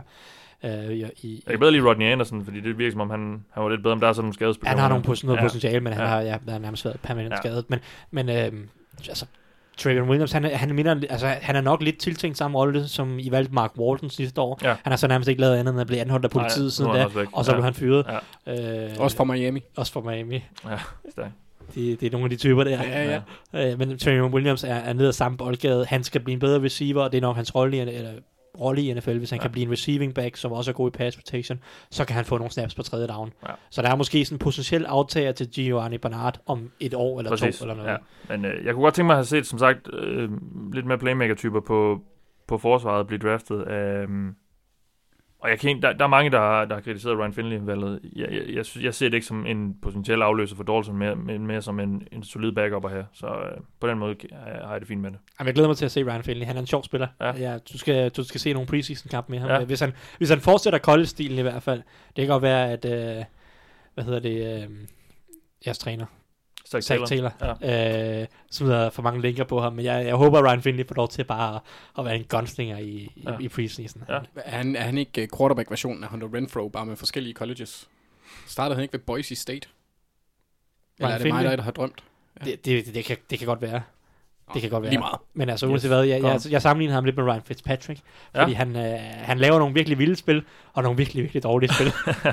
Jamen, det bliver spændende at se, om, om Taylor har set et eller andet lys i ham øh, på den lange bane. Nå, lad os lige få rundet AFC North af, Thijs, med Steelers, Ja, dit hold. ja. Hvad synes du om det? øh, bum, bum, bedre end sidste år, hvor jeg var Ja. ja. meget kritisk. Ja. Jeg, var, jeg var godt nok, jeg havde nej hatten meget på efter sidste års draft. Øh, bedre end sidste år, helt sikkert. De to faktisk et par af mine absolutte favoritter øh, med de første to valg i, i form af Devin Bush, som jeg var ganske forelsket havde ham som Ja. ja. den tredje bedste spiller i hele årgangen. Så at de trade op for ham, det kan jeg godt sige godkendt, øh, godkendt på. Også prisen for at komme derop. Ja, det er jo så det der spørgsmål. Han skal jo, altså med den pris, at vælge en linebacker i top 10, så skal han blive en, altså en toneangivende spiller på forsvaret. Mm. Han, skal, han skal helt op og være øh, i, skulle til at sige, Bobby Wagner, Luke Kuechly, eller niveauet i hvert fald lige under dem, hvis Ja. ja. han skal blive det værd. Fordi det kostede et andet rundevalg i år, det kostede et tredje rundevalg næste år, ja. Øh, og derudover top 10 valg på en position, som i langt de fleste tilfælde ikke er super meget værd på forsvaret, medmindre du kommer helt op i den der mm. Kuechly Wagner kategori. Øh, det tror jeg jo personligt, så jeg kunne rigtig godt lide den Bush. Jeg kunne sagtens se, at han kommer op i det leje. Så i den forstand har jeg det fint med det. Øh, men der er uden tvivl en risiko for, at han aldrig nogensinde bliver det værd, som de, som de gav for ham. Men altså, det var en chance, de var villige til at tage. Og de har virkelig, virkelig manglet linebacker, siden de mistede Ryan Shazier. Og der var virkelig ikke ret mange linebacker i årets overgang. Så altså, jeg, kan godt, øh, jeg kan godt lide, at de tager chancen ja. på den måde. Ja. Øhm, så tog de Deontay Johnson, wide receiveren, i toppen af tredje runde. Øh, som jeg også var rigtig glad for, men de som bare var endnu gladere for, for jeg havde faktisk ikke troet, han ville gå i tredje, tredje runde umiddelbart. Men øh, altså, det, det, det, Så det, Det- er, det er også de to valg, du er mest glad for, eller hvad? det er, øh, ja, det er også de to valg, jeg er mest glad Ja. ja. for. Jeg har også vil øh, fremhæve Sutton Smith, som er en pass rusher, linebacker og alt muligt mand. Øh, som jeg ved, jeg ved ikke helt, hvor han skal spille på forsvaret i NFL. Det kan godt være, at han ikke skal spille på forsvaret i NFL. Han er kun bedst bedste timer. Okay. Men jeg synes, da jeg sad og så ham, han var sjov. Ja. Han var lille, hurtig, øh, klog. Altså, jeg troede egentlig, han ville være en Patriots-spiller. Du ved, sådan en, sådan en lille spirvip, der bare øh, kæmper røven ud af bukserne, og egentlig øh, slet ikke burde høre til på en NFL-bane, fordi han er for Mm. lille. Men bare gør det godt alligevel. Ja. Øh, jeg håber lidt, han kan blive til noget. Det kunne være sjovt i hvert fald.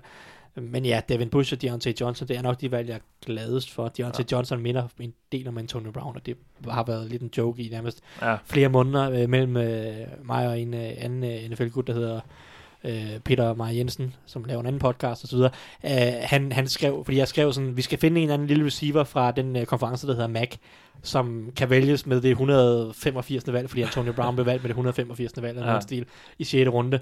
Og så skrev han til mig, se Deontay Johnson øh, fra Toledo. Og det gjorde jeg så, så sagde jeg, han minder virkelig meget om Tony Brown. Jeg kan godt lide ham. Ja. øh, og så tog de ham så i tredje runde. Men Ja. ja. øh, altså, jeg, jeg, synes, det er sjovt i hvert fald. Og noget, du blev overrasket over i forhold til, hvad du havde forventet, eller?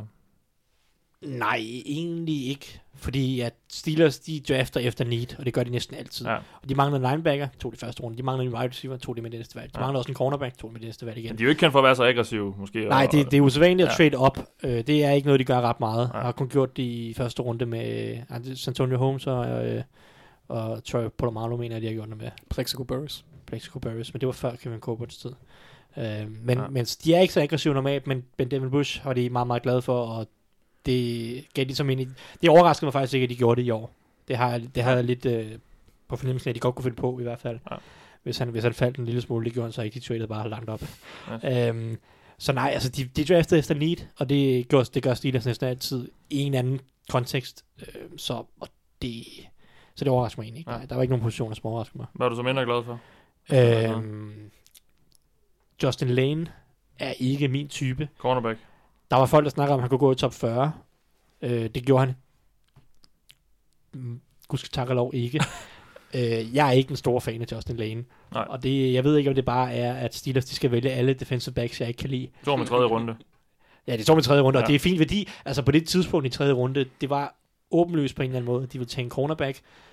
Der var allerede gået en del cornerbacks, så på en eller anden måde er det fair nok at, at tage chancen på Justin Lane, selvom jeg ikke kan lide ham som type. Jeg synes, det er fint nok i tredje runde. Øh, Jeg har bare ikke super meget tiltro til, at han bliver noget. Men øh, det er fint Nej. nok. Det, er- det, er- det er vi vant til som Steelers fans med defensive backs. Ja. Øh, og så er jeg også sådan, så gensøger jeg nok det valg, jeg forstår mindst tight end, eller der er bare noget med, med Steelers, de kan bare godt lide at vælge sådan nogle sikre typer, som bare bliver rigtig fine backups, men bare aldrig nogensinde nærmest kan blive mere end det. Han er et kæmpe ja. langt skur på over to meter. Tidligere quarterback, der nu spiller tight end. Øh, ikke ret atletisk. Altså, han er sådan en Matt Spath-type, som hvis han bliver en god blokerende tight end, fint. Hvis han bliver en receiving, øh, hvis han kan gribe 10 bolde i en sæson, så øh, er han næsten lidt overrasket på en eller anden vej. Ja. Han, han har ikke ret meget upside, og det er sådan lidt en ting, som irriterer mig ved Steelers' valg nogle gange, øh, det er, at de vælger lidt nogle typer på dag 3, som ikke har ret meget potentiale, som bare kan Mm. mm. komme ind og være dybde. Og det er også på en eller anden måde fint nok, men jeg synes, jeg vil bare hellere tage chancen på noget, der kunne blive til mere end bare dybde på en Ja. eller anden måde. Så. Jamen, øh, lad os gå videre til AFC South, og lad os øh, åbne med Indianapolis Colts, Anders. Ja. Jeg synes, det er, når jeg sådan læser det lidt rundt omkring, øh, så er det jo en af de draftklasser, der får sådan meget ros, og det gør Chris Ballard jo nærmest øh, hele tiden. Uh, han kan nærmest ikke sætte, Nej, ikke bare ikke for mig. sætte en fod forkert. Nej. Jeg er næsten altid uenig med ham, og han får næsten altid ret. Ja, det er så det. Men hvad, hvad synes du så om det, Anders? Altså, jeg er helt og aldeles vild med alt, hvad Ballard gør, og han gør nogle ting, som jeg gerne vil have. Okay. Øh, jeg synes, han er hurtig og dristig, modig og listig. Øh, han er sikkert også trofast og venlig, som dagen er lang.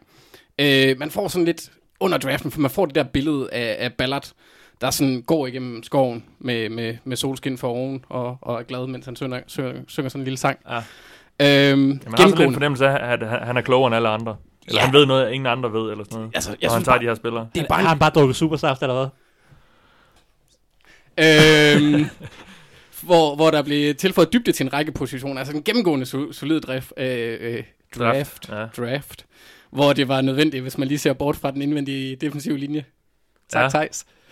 Øhm, så ja, jeg, jeg, jeg, jeg synes egentlig, ja, jeg, som jeg sagde, jeg er ret glad for den. Og jeg, Ja. jeg synes egentlig, det var fornuftigt, de trader ned og får et, øh, får et, et, et valg og får alligevel en solid spiller i, i toppen af anden runde mm. i, øh, i en af mine favoritter.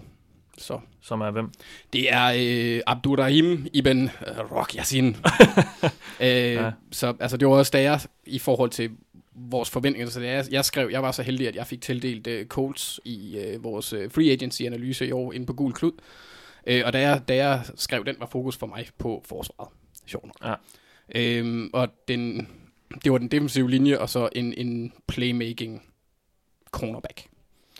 Øh, og de valgte så at gå med det sidste, og det var også en spiller, som jeg havde valgt at give som mulighed, så jeg er ret vild med det valg. Altså det, Ja, Rockerson. Ja. der, der er jeg med. Han har navnet, og han har nogle ret gode evner til at få fat i bolden. Ja.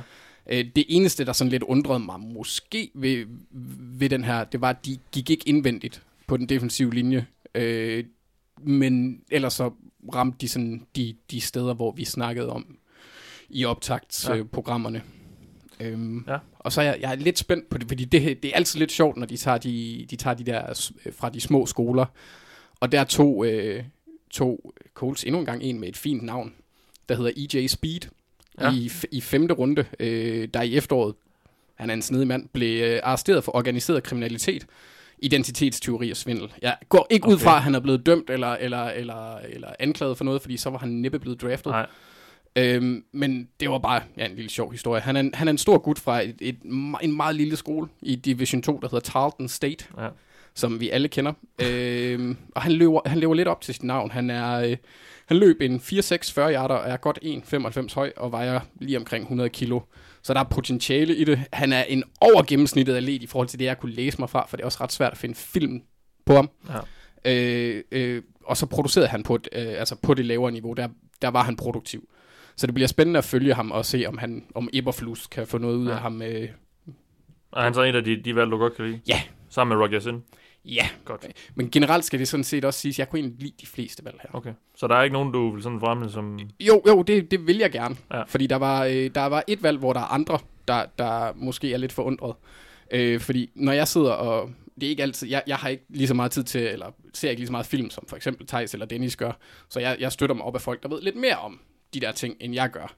Øh, og nogle gange, når jeg gør det, så finder jeg nogle guldkorn, så jeg tillader mig lige at citere en, en lille ting om her. Øh, det er, Banogo er virkelig atletisk, men han er teknisk og mentalt ganske underudviklet. øhm, pågældende ekspert havde ham rangeret som den 142. bedste spiller. Øh, Sidder han i Er, er, det, det, er, det, er, det, han er det en, rum? jeg kender, eller? jeg ved det ikke. Jeg ved, rum? det, ja, det kan være Tejs. Okay. Ja. Men jeg peger, jeg peger på ikke nogen. Ikke nogen, jeg peger Nej. på. Nej.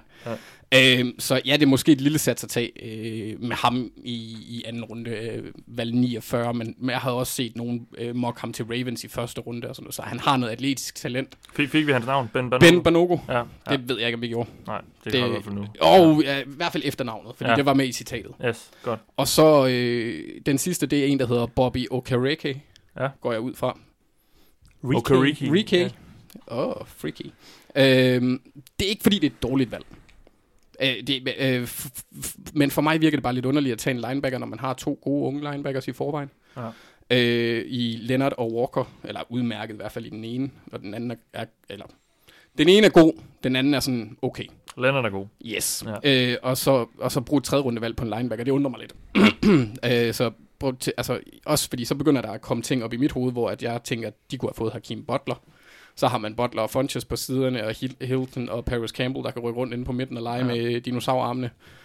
øhm, eller, eller, eller en spiller som øh, Chauncey Gardner-Johnson øh, i stedet for, fordi de manglede en safety. Safety, ja, ja. Og som de også, de to også en safety i fjerde runde. Og en i Øh, femte også. Ham kan jeg ikke huske, hvad hedder. Marvel Tell. Åh, oh, jo, han er corner safety. Nå, Ja, okay. jeg vi, tror- har, vi, har, vi har arrangeret ham som safety herinde på. Jeg tror, jeg vil smide ham som cornerback Okay. i uh, NFL. Men ja, han spillede safety i college. Ja. Men øh, sådan som han opfatter spillet, så tror jeg, man vil drage nytte af at smide ham i en position, hvor han ikke skal læse spillet så meget. Godt. Så, ja. så, så der, der, der var spillere, også fordi, hvis man kigger på igen rangeringen, nu kan det være, jeg, øh, jeg husker forkert, men du havde Gardner Johnson rangeret relativt højt. Var det 11? Ja, jeg kunne yeah. rigtig godt lide Garner Johnson, men Ja. efter sine så var NFL-holdene ikke så glade for hans personlighed. Åh, oh, det er de der Florida-spillere der, de Ja. har nogle problemer. Ja, præcis. Så han faldt til fire runde øh, til Saints, ja. og nu må vi se, hvor god han bliver. Men jeg, øh, jeg synes, han var god i Ja. college. Yes. Mere tilføj til Colts? Nej, jeg, jeg synes, det var fedt. Det var, det var en god draft, og de Ja. fik, øh, fik min absolute yndlingsspiller i år. ind. Yes. Ja. Godt. Thijs? Ja. Titan- Titans? Ja, tennis. Uh.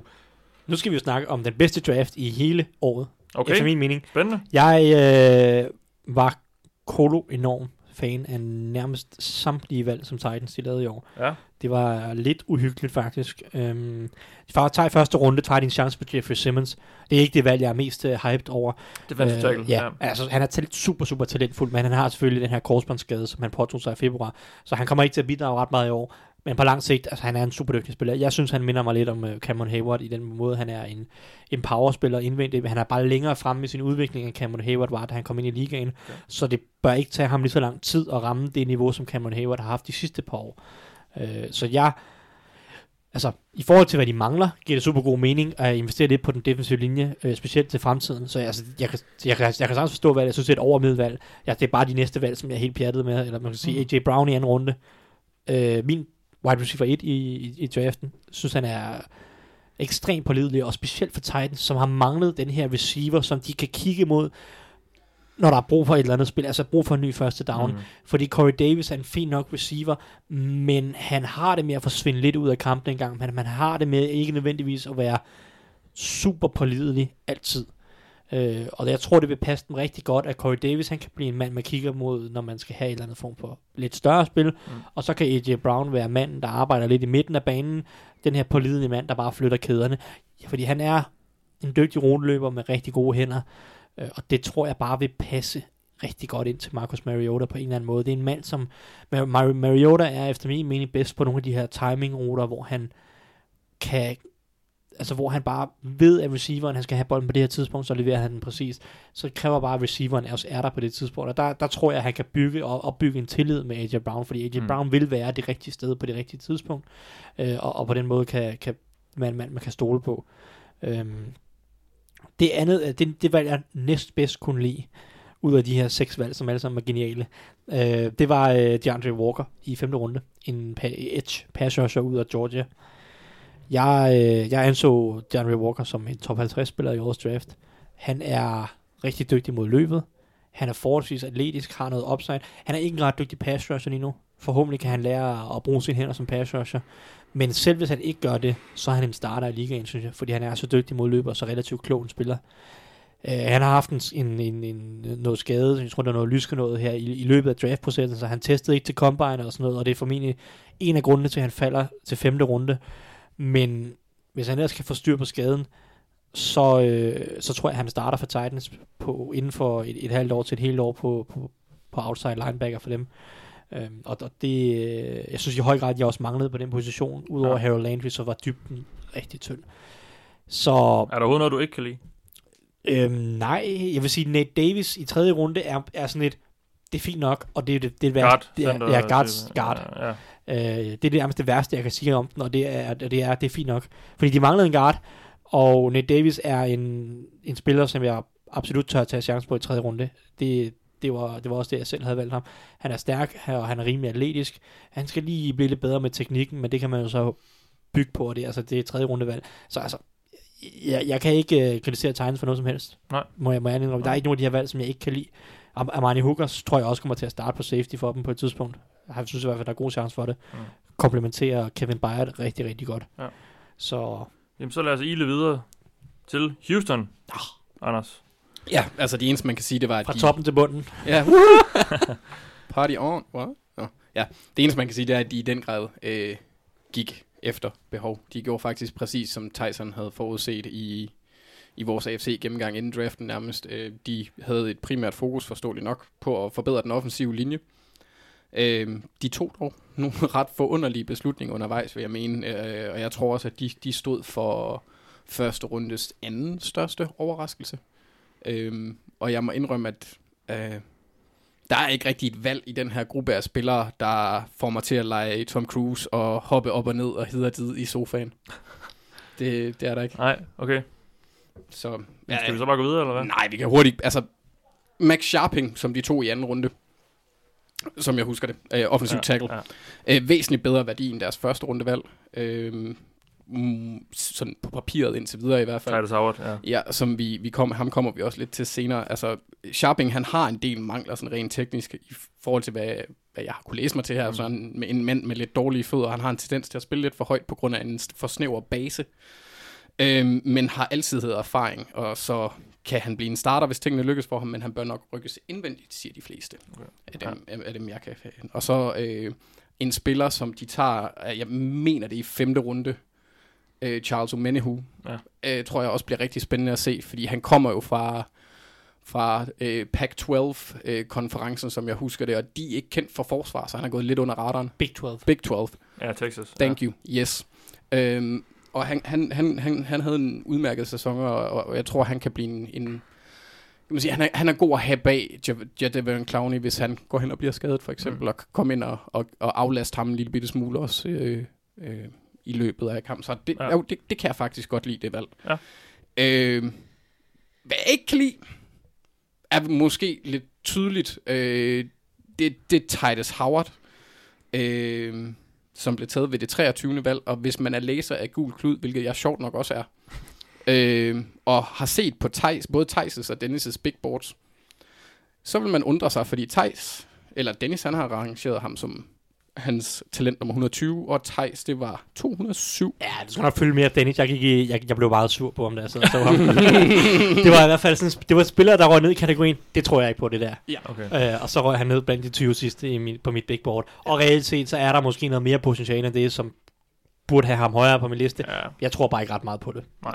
Altså, øhm, det var også det, altså der har jeg igen, sådan, altså han har, han har, nogle, han har nogle værktøjer, men han, han er godt nok upoleret og har spillet på et lavere niveau.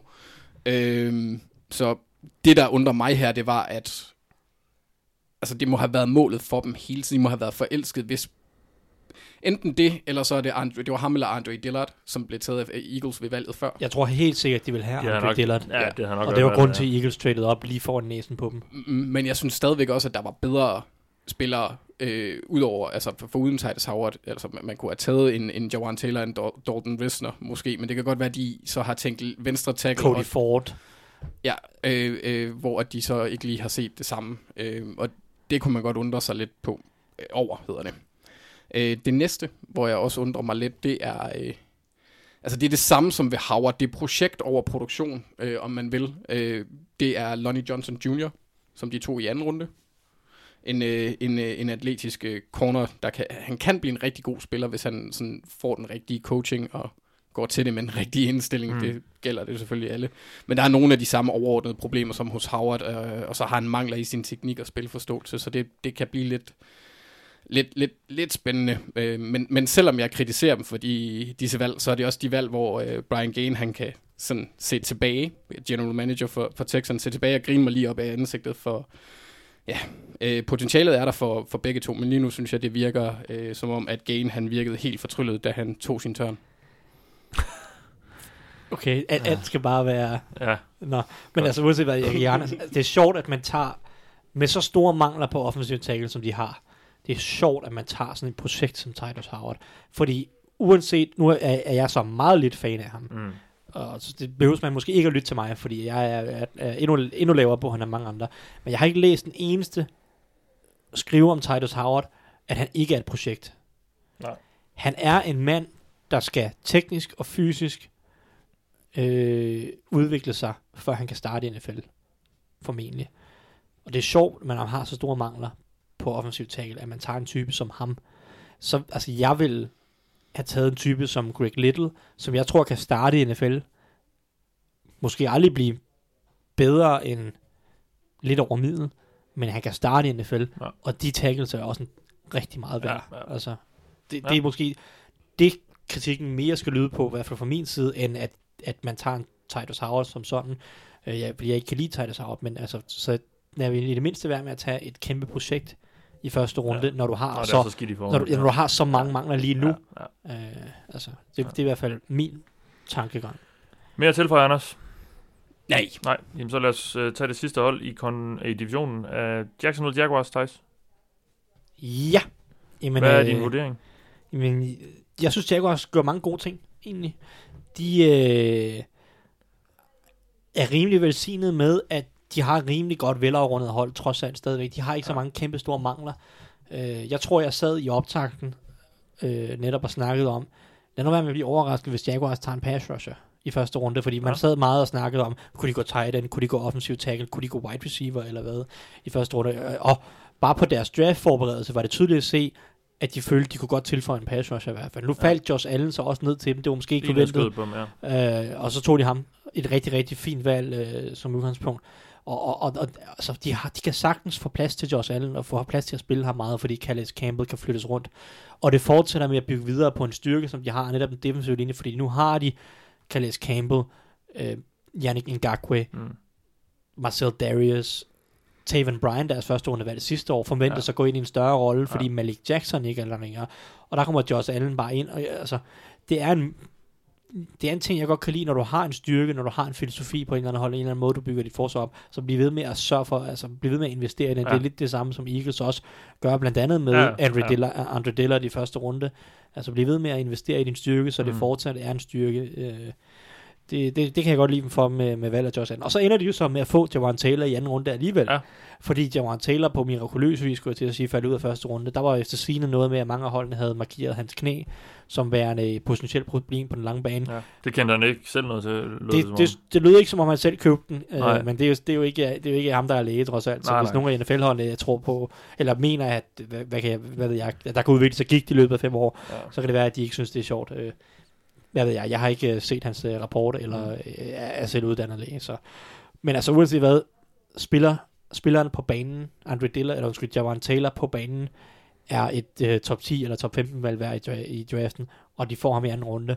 Hvis han ikke bliver skadet, eller ikke, altså, hvis han kan holde til mosten, så, øh, så er det et fremragende værdi, fordi de mangler en højre tackle, og han kan gå direkte ind på højre tackle, ja. og hjælpe den her offensiv linje en hel del. De skal beskytte Nick Foles i den kommende sæson. De vil formentlig stadig løbe bolden en hel del. Uh, Jawan Taylor er en, er en dygtig, specielt i løbespillet, så det, altså, det er fremragende værdi, hvis vel har mærket hans knæ, eller hvad det nu ellers var, der irriterede andre NFL NFL-hold, Ja. hvis det holder. Så altså, det er nogle rigtig, rigtig, rigtig solide valg, og det er nok også de to bedste valg, de har lavet i draften. Mm. Jeg vil også nævne Josh Oliver, som jeg synes er et spændende valg. Så den der. Uh, han minder mig lidt om Tyler Eifert på en eller anden måde. Sådan en atletisk uh, tight end, der virkelig kan strække banen og lave nogle rigtig, rigtig spektakulære cast, catches. Han kan ikke løbe ruter lige nu overhovedet. Men øh, Okay. håbet er, at han kan lære det. Ja. Øh, for han spillede, han spillede også på et øh, meget, meget ringe San Jose State hold. Ja. Øh, så smid ham ind i NFL-rammer, så kan han forhåbentlig lære at løbe ruter. Fordi altså, han, er, han er en rigtig god atlet. Han har rigtig gode hænder, og, og det, det synes jeg er en god base at arbejde ud fra Ja. øh, som Thailand.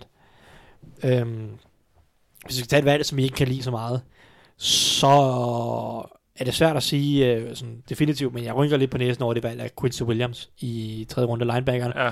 som Over til Quinnen. bo- bort til Quinnen Williams, øh, altså ud af, ud af en lille bitte skole, der hedder Murray State. Øh, Daniel Jeremiah havde ikke set ham overhovedet. NFL's, NFL øh, Networks uh, draft expert, ja. ja, som har set 400 spillere i år. Det er dobbelt så mange, som jeg har set. Uh, han havde ikke set ham overhovedet. Uh, og, og efter sigende, så var der mange andre hold, der også var interesseret. Jeg har set en enkelt kamp med ham bagefter, fordi jeg tænkte, hvem i alverden er den her dude?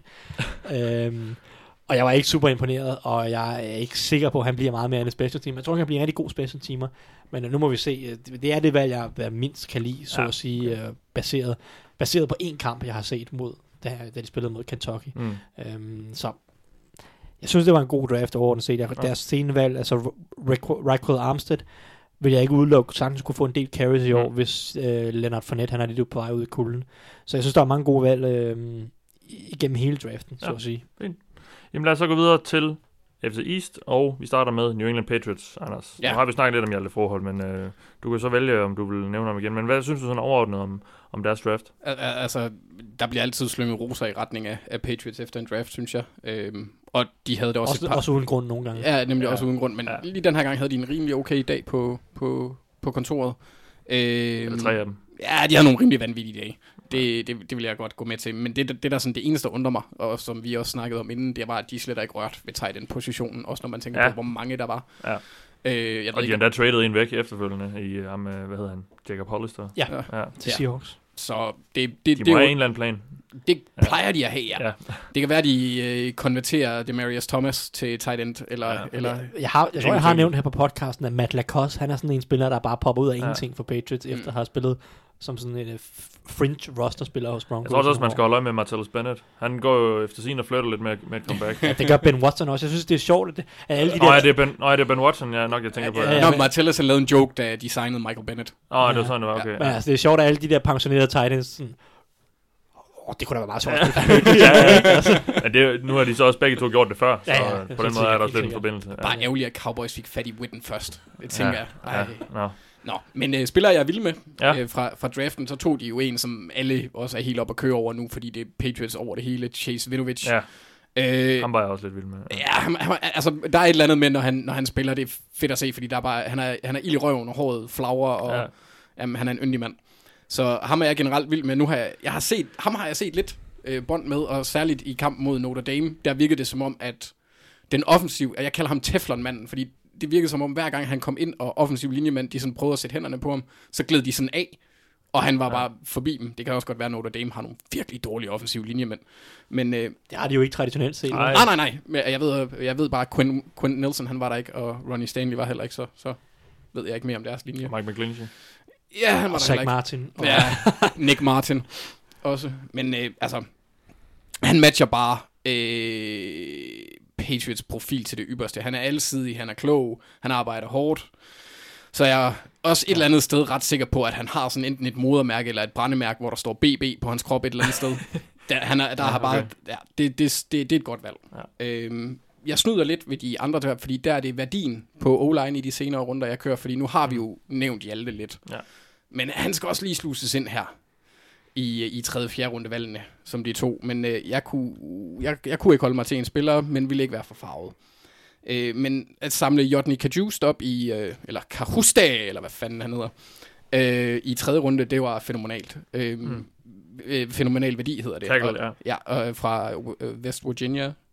West Virginia. Det er altid dobbelt op med de der WV, nogle af de er svære. West Virginia. West Virginia. Mm-hmm.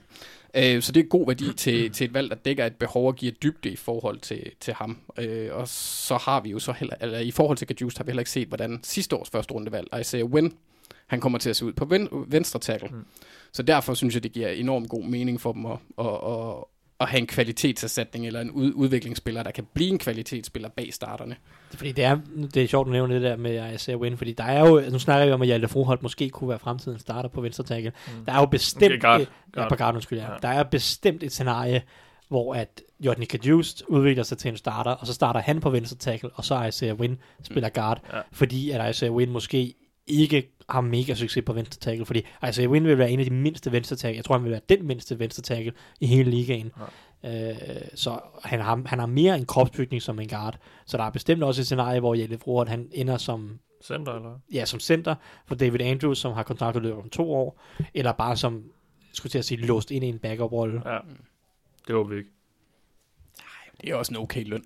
Ja, ja. sige. Ja, ja. Men, men ja, En 20 mil, ja. Nå, øh, noget jeg var overrasket over, hvis jeg lige må komme på banen, det må du. det var, at de draftede en højrefodet punter. Men, men, men ham har jeg også lidt med. Okay. Ja, Nå, en lille bitte smule. Ja. Øh, men, men det er meget, meget lidt, så hvis du gerne vil snakke lidt mere om det, fordi jeg Jeg synes bare, det er sjovt, fordi Ja. Belichick har jo sværget til venstrefod punter Mm. mm. i mange, mange år. Ja, ja, og de, de, Af en eller anden, hen- han, hen- han har en eller anden... signede Ryan Allen tilbage i marts, Ja, ja, ja. ja. et år i kontrakt, det var så heller ikke så meget, kan man sige. Men, men ja, han har noget med de venstre fod. Ja. Han, jeg tror også, han blev spurgt bagefter, om han sparkede ven, med venstre fod. Og Ja. det sagde han, det gjorde han ikke. Men jeg er rimelig sikker på, at han har højrefodet ham med Men det, gør, det er han Jake også. Bailey der. Men, men jeg tror, reporterne de har spurgt ham, om han sparker med venstre. Okay, ja. Øh, så jeg en eller anden, der tweetede. Men han har jo en eller anden forestilling om, at der, det er svært for at gribe bolden, og den bouncer på en anden øh, og bedre måde, når man er venstrefodet og sådan noget. Men det gør den også. Ja, ja. Altså, man, har jo, man har jo hørt Det er bare kun Belichick, der ja, ja, der ja, går jeg op synes, i det er sådan vigtigt, noget. ja. ja, Det skal lige, al- altså, hvis Belichick, han lytter, så er jeg venstrebenet. ja. Jamen, det, er jo, det er jo også klart en bounce på en anden måde, fordi langt størstedelen af, af, af, af punterne er jo, øh, er jo højrefodet, så ja. ja, altså på den måde giver det jo lidt sig selv. Ja. Og så, altså, hvis der så skulle være en, altså, ja, altså, jeg synes generelt ikke, jeg har lige en mere, hvor, mm. Mm. hvis man lige ser øh, væk fra, fra Jake Bailey, fordi det, det, det er spøjst at vælge en punter, når man har en udmærket punter alligevel. Ja, så i femte det. runde, det er sådan halv, halvhøjt for en punter. Ja, og så vil jeg stadigvæk sige, at man kan aldrig få for mange, pu- for, for mange punters. Det, det er, man godt. det er Det atleter, Mathias. Jeg kan godt nøjes med en. Ja, pjathoveder, altså. Øh, nå, men, men den der, det valg, der sådan undrede mig mest, det var egentlig valget af Damian Harris i uh, tredje runde. ja. ja. Øhm, og det er ikke fordi, jeg synes, at han er en dårlig spiller, eller at valget er dårlig værdi i tredje runde. Som jo egentlig var starter for Alabama. Ja. Øh, og foran Josh Jacobs, I, i tre, som blev tre så, år, som så blev valgt i, i første runde. Ja. Ja, øh, så, så altså, ja, det var også det, jeg skrev. Han var starter hos Bama i tre sæsoner, øh, og havde en, den naturlige produktion, der Ja. følger at være starter i Bama. Øh, øh, de fik også et ekstra fjerde rundevalg, for de traded ned med, med Chicago Bears, der tog David Montgomery, mm. hvis jeg husker rigtigt. Øh, så de får et fjerde rundevalg i næste års. Så, så sådan rent værdimæssigt giver det jo fin mening, men, Ja. og, og en syvende i år. Øh, men Patriots har bare en pakket running back gruppe med, med uh, James White, Sony Michel, Rex Burkhead og Brandon Bolden, som de også hentede her i år. Men de bruger jo også mange af dem. Altså, Det gør de, men det er, ja. det, det, det er mange spillere at, Ja, ja. At, at køre med, så man, man må nok regne med, at Bolden han ryger. Øh, Ja. ja. Det tror, jeg, vil, jeg, tror, også jeg, tror, jeg tror, der er større chance for, at Rex Burkhead ry- ryger. Nå, du tror ikke, hans alsidighed Jeg- gør lidt? Tilbage til Bengals med ham. Jamen, altså, jeg, jeg tror, Brandon Bolden øh, netop på grund af hans altidhed og evner på special teams, vinder jobbet over Rex Burkhead. Burkhead er også god på special teams, Ja. ja. men jeg tror, Bolton han fik en rimelig signifikant kontrakt med en del garanteret i den Ja. første sæson. Og Belichick elsker de der, der kan gøre sig på, der er gode på Præcis. Belichick. Og, og, så, og derudover så skal det jo nævnes, at Sony Michel havde en del skader sidste år. Briggs Burkhead havde en del skader sidste år. Ja. Og det kan godt være, at James White han kan en masse ting kastespillet, men han skal ikke løbe bolden 10-15 gange i løbet af en kamp. Nej. Det, det, så, så jeg tror måske, det er lidt set i det lys, at, han, at de frygter måske lidt, at Tony Michel, som også har en masse skader tilbage fra college, altså at han måske er lidt skadespladet af, af, af type, og derfor mm. mangler de en eller anden form for pålidelig backup. Ja. Og det er, en- det er nærmest definitionen på Damien Harris. Det er, at han, han gør ikke mange spektakulære ting, men han er fin nok, og han kan gøre jobbet og Ja. gøre, hvad der bliver bedt om. Yes. Mere tilføj? Men nej, ikke, jeg, jeg vil slutte af med det med Ponders. Så Ah, det er jeg ked af. det er allerede sket. Så lad os gå til Buffalo Bills. Thijs, Ja. hvad synes du om det? Ja, men altså det... Øhm, det starter egentlig solidt nok ud, og så senere hen, der ved jeg ikke helt, hvad jeg skal synes om det. Men Okay. øh, de, første, de første to valg øh, er jeg ret stor fan af. Et, et Oliver i, i særdeleshed, synes ja. jeg, passer rigtig, rigtig godt ind, og har noget af det, som Bills har manglet op foran på en eller anden måde. Jeg synes, Bills forsvaret, som var rigtig godt sidste år, Mm. Øh, og har været rigtig godt i den periode, som McDermott har været defensiv koordinator der, øh, har haft den ene svaghed, synes jeg, at de har manglet noget pass rush. Jerry Hughes har været rigtig, rigtig god for dem, men derudover har det været tyndt, synes jeg. Både indvendigt og udvendigt. Et Oliver giver dem et exceptionelt våben, et le- eller eksplosivt våben indvendigt i hvert fald.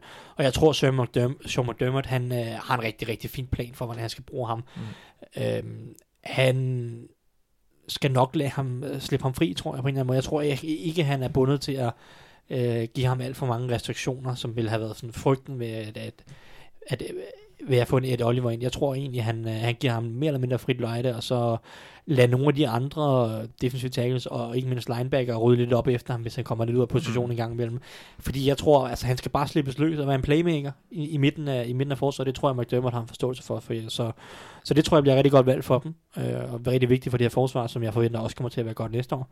Øh, Cody Ford, anden runde, også ganske, ganske god værdi. De har mm, investeret meget i den offensive linje i den her offseason. Jeg tror, de har signet 3, 4, fire mand over, øh, og har efterhånden rigtig, rigtig god dybde. Men Cody Ford, han er en, en langtidsløsning på enten højre tackle eller højre guard. Jeg ved egentlig ikke, hvor han er bedst henne. Hmm. Det må de ligesom selv prøve at finde ud af. Men altså, jeg synes, det, det er et rigtig, rigtig solidt valg, og, og de første to valg adresserer bare de to linjer. Det er sådan en klassisk McDermott-filosofi. Det er de to linjer, der har Ja. fokus, og, og, og så finder man resten bagefter. Øhm, derfra, der er jeg lidt mere usikker på det, på en eller anden måde. Øh, jeg har ikke den store, øh, jeg har ikke den store tiltro til Devin Singletary som running back i NFL. Øh, og jeg synes egentlig, de havde et fint backfield i år i hvert fald, med øh, LeSean McCoy, Frank Gore, TJ Yeldon, som de signede lige inden draften. Og det er spørgsmålet om LeSean McCoy, han måske, om de vil prøve at trade ham nu her hen over ja. sommeren. Fordi Devin Singletary er, en, han er nede af samme boldgade som, som McCoy. Ikke den største running back, øh, og, og er øh, lever på sådan lidt eksplosive cuts og sådan noget. Det, det, Devin Singletary så bare mangler i forhold til McCoy, det er han, hans fart, fordi Singletary er langsom, og McCoy er, er ret hurtig. Øh, Og det er også derfor, jeg er ikke, jeg er ikke sikker på, hvor Singletary han vinder i NFL, fordi han er ikke stærk, øh, han er ikke hurtig. Øh, Ved og, vi, om han kan løbe i sne? Øh, nej, men det kan selvfølgelig... Ellers kan han jo ikke tage over for McCoy. Ej, og det er selvfølgelig en, en fantastisk kvalitet at have, når man spiller for Buffalo Bills. Ja. ja og det er klart, at der, der er en, en snikong der Ja. ja. i, i, i McCoy. Ja. Øhm, så jeg er ikke sikker på Singletary som i NFL. Nej, Og, og, det, og det er nok også de valg, jeg min- mindst kan lide for Bills, Ja. umiddelbart. Øhm, derefter, er altså jeg er lidt usikker på, hvordan Vosan Joseph lige passer ind på Bills forsvar, udover at han skal være backup på en eller anden måde. Linebacker. Øh, fordi jeg synes, at han er lidt en, en weak side linebacker type, og der synes jeg, de har Matt Milano, som er, som er rigtig, rigtig dygtig. Øh, og jeg, han kan overhovedet ikke spille strong side linebacker, hvor jeg egentlig, det var egentlig der, jeg mest kunne se, at, at Bills kunne mangle en fremtidig, fremtidens mand på en eller anden måde, for at afløse for Lorenzo Alexander, som er langt op i 30'erne. Så jeg, jeg ved ikke, hvor, hvor Søren Joseph, Joseph helt passer ind umiddelbart. Nej. Men øh, altså, jeg synes egentlig, han er en okay spiller. Så. Men, Ja. altså, det, det, er jo så det er jo så nede på de her dag 3 valg, der tager man bare en spiller Ja. og håber på, at han bliver til noget. Øh, Han behøver ikke nødvendigvis at passe helt præcis godt ind. Skal, så synes jeg, vi skal gå videre til Miami.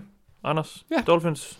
Ja, det, det var Dolphins var en af, af draftdagenes største vinder i mine øjne af den Ja. simple årsag, at de fik en uh, top 10 spiller for valg nummer 62, og samtidig fik samlet et ekstra anden rundevalg op i næste års draft. Ja. Uh, Arizona brugte sidste år et første, tredje, femte rundevalg på Rosen, uh, og betalte ham, altså største del af hans kontrakt, han er vel, jeg ved ikke, er det 17 millioner eller sådan noget, de allerede har Mm. betalt af det i første år. Uh, Miami brugte et andet rundevalg og et femte rundevalg, og skal betale ham godt 2 millioner om året cirka. Øh, og så fik de jo så det ekstra andet rundevalg i, så de har basalt set fået ham gratis. Ja. Sådan, hvis man kigger lidt på det. Ja, fremtidens løsning på, på quarterback. Det, Og, og det, det synes jeg simpelthen er vanvittigt. Ja. Øhm, så det er det valg, jeg er mest vild med for årets Ja, draft. Det er ja. Josh Rosen. At få ham for, for hvad der svarer til et femte rundevalg, det er simpelthen tosset. Og jeg forestiller mig, at Chris Greer, han må have haft den general samme, manager. ja. eller- ja. han må have haft den samme følelse, som, som hvis Gargamel han fik tilbudt et kortet til Smølfernes landsby af en eller anden gut, der bare ville kæle hans kat.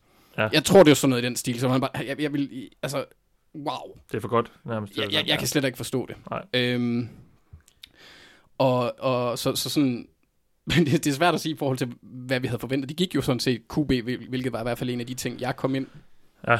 På. Men det er jo måske sådan lidt via en afvej. Så, så ja, defensiv øh, linje. Jeg kan virkelig, virkelig godt lide øh, Christian Wilkins. Øh, han er en klog spiller, der, der er bundsolid over hele linjen, men han er ikke ekstraordinær. Øh, men altså, når han er en klog spiller, så mener jeg, altså, han er en intelligent fyr også. Øh, han klarer sig godt i skolen. Ja. Øh, jeg tror, at han kan... Han Patriots-modellen, altså Ja. typen der, altså, ja, sådan, som, det er måske lidt det, der skinner igennem med, med Flores er, er ny. Og lige så, præcis. Ja, det kan man, man kan godt øh, Det genkende. er også svært at finde bedre personer og personligheder generelt i, i hele draften. Han er, han er ekstraordinær, flink og Ja. klog type. Ja, altså, Bortset fra, at han prøver at slå øh, Roger Goodell ihjel. Ja, men det er der så selvfølgelig også mange NFL-fans, Det- der det- vil have set positivt Ja, på. præcis. Det Ja. synes jeg er meget flinkt. Ja. Øh, ja, og det, det er faktisk også, fordi øh, jeg tror, han kan være med til at, at være en kulturskaber, for, for med det ry, som han forlod Clemson med, så virker han til at være en fortræffelig ung mand. Ja. Så vil sige næsten lige så trofast og ven, ligesom Chris Ballard. Men også kun næsten. Ja. Øh, ej, det virker bare lidt som, øh, nu gik de jo helt amok i første runde, så alle de her valg af, af Dabo, Dabos bjørne, om man vil, får mig til at tro, at der var noget i vandet i den defensive linjerum hos Clemson. Man, man skulle næsten tro, Ja. ja. at, øh, at de får deres styrke af supersaftens kraft, Thijs. Ja. Og, og den stolthed og klogskab, de ejer, Mathias. Åh, oh, det giver sejr over den ondskab. Du er gået alt De for langt ud. imod. Den, den, den, den, den er kørt alt for langt ud i dag. Jeg skulle bare se, om jeg kunne nå at få citeret hele Bubi Bjørn sangen, uden at nævne omkvædet i løbet af i dag. Og det lykkes næsten, hvis du ikke vidste Du noget. har Bu- citeret noget fra omkvædet, har du ikke? Øh, jo, men ikke Bubi Bjørn, hop op. Jo, du sagde hop. Ja, ja, men ikke hop Bubi op. Bjørn. Ej, okay. Det er jo det eneste, jeg undgik. Du har ikke sagt ordet Bubi Bjørn, nej. Nej, det er det. det Før nu. Ja, ja, ja før, før lige nu. Ja. Og, og, og jeg ved godt, at det er åndssvagt, men det morede mig ganske fortræffeligt i Ja, går. det, er- det er jeg sikker på. Ja, tillykke med det. Ja, så, så tak for det. Tak for den mulighed. Øhm, og så synes jeg at generelt, sådan, hvis man tilbage til Dolphins, så synes jeg, det er svært at, at vælge nogle spillere, som jeg synes, sådan, eller nogle, som jeg synes var helt debile valg, fordi de havde kun to valg i top 150. Ja. Øh, Michael Dieter i tredje runde er den eneste, hvor jeg kan se en mulig forskel på niveau og værdi, eller, eller Andrew Van Gingo i femte runde, tror jeg det var. Øhm, han har sine mangler, ikke nogen super atlet, m- men han er også en femte rundevalg. Ja, fra, fra Wisconsin, en tidligere Ja. JUCO spiller, der har sin, han har sine begrænsninger. Øhm, men det er igen, det, det, jeg synes, det er svært at pege fingre af folk med femte rundevalg, men der vil man jo selvfølgelig helst gerne tage en, der har et atlet, atletisk potentiale. Nu har jeg ikke selv tjekket. Har du et overblik over, hvor mange valg i næste års draft, de fik skravet sammen, fordi de blev ved med at trade ned og sådan noget? Nej, jeg prøvede, jeg prøvede at google mig frem til, men jeg kunne ikke finde en, øh, en, en oversigt over, over 2020-valg. Jamen, jeg er ret sikker på, at de fik skravet nogle 4., 5., 6. runde valg sammen i næste års draft, Mm. hvilket bare bliver ved med at sådan, pege videre mod, at det det er fra 2020, at Dolphins de starter, mere eller mindre. Øh, og i år det er lidt et, et throwaway, hvor de starter forfra og får clearet noget cap space og fundet ud af med den nye trænerstab, hvem skal vi beholde på lang sigt, hvem skal vi smide ud. Øh, og jeg synes kun, den her draft peger i den retning. De har i hvert fald fået et andet og et fjerde rundevalg næste år. Præcis. Så har de så givet et femte rundevalg væk, og fået et sjette rundevalg. Og et syvende rundevalg. Så nærmest en i hver runde. Ja, så de Ja. har fået en hel del ekstra valg Ja. allerede der, og de Ja. kunne sikkert hen over sommeren stadigvæk samle mere, flere op måske, Ja. ja. ved at trade, hvad skal jeg sige, Rashad Jones eller et eller andet den stil. Øh, i- Godt. Og, og så undrede det mig, hvad jeg så, jeg ved ikke om, det er, det er der sikkert mange, der har set, det, den første reaktion fra en Dolphins-fan, da han fandt ud af, at, at Josh Rosen, han var blevet, øh, at de havde traded for ham, hvor han flippede helt ud og sagde, at det var noget lort. Så tænker jeg bare, det, det er det mest vanvittige i hele verden. Det er en Ja. Billig quarterback, der har haft elendige forhold, og du har ham i tre år, du Ja. ikke betaler ham noget som helst. Nej. Fantastisk, mand. Ja. New York Jets, Thijs. Ja. Hvad tænker vi? Ja. Jamen, øhm, de to den bedste spillere i draften. Og det er et godt sted at starte. Ja, Quinn Williams synes jeg var den bedste spiller i årets draft. Og jeg glæder mig helt vildt meget til at se ham i NFL. Fordi han, han er den bedste spiller, jeg har scoutet i mine øh, øh, 3-4 små fem år, hvor jeg kigger lidt på spillere. Det kun de sidste par år, Mm. hvor jeg har set rigtig mange spillere. Men jeg synes, han, var den, han er den bedste spiller, jeg har set i den tid. Også bedre end Miles Garrett. Det er sådan en anden position, og der er Ja. noget positional value og sådan noget. Men øh, jeg synes, han var helt ekstraordinær i college. Jeg glæder mig rigtig meget til at se i NFL. Så at få ham med tredje valget, det synes jeg, det, det er helt rigtigt valg for Jets. Mm. Mm. Havde jeg også selv gjort, hvis jeg var i øh, Mike McCagnans øh, sko. Øhm, så det synes jeg er fint, og jeg glæder mig til at se ham i Greg Williams forsvar, som generelt er ret aggressivt, og jeg Ja. glæder mig til at se ham sammen med Leonard øh, Williams. Øh, der er en rigtig drabelig indvendig offensiv linje der. Ja. Så øh, det synes jeg er fint.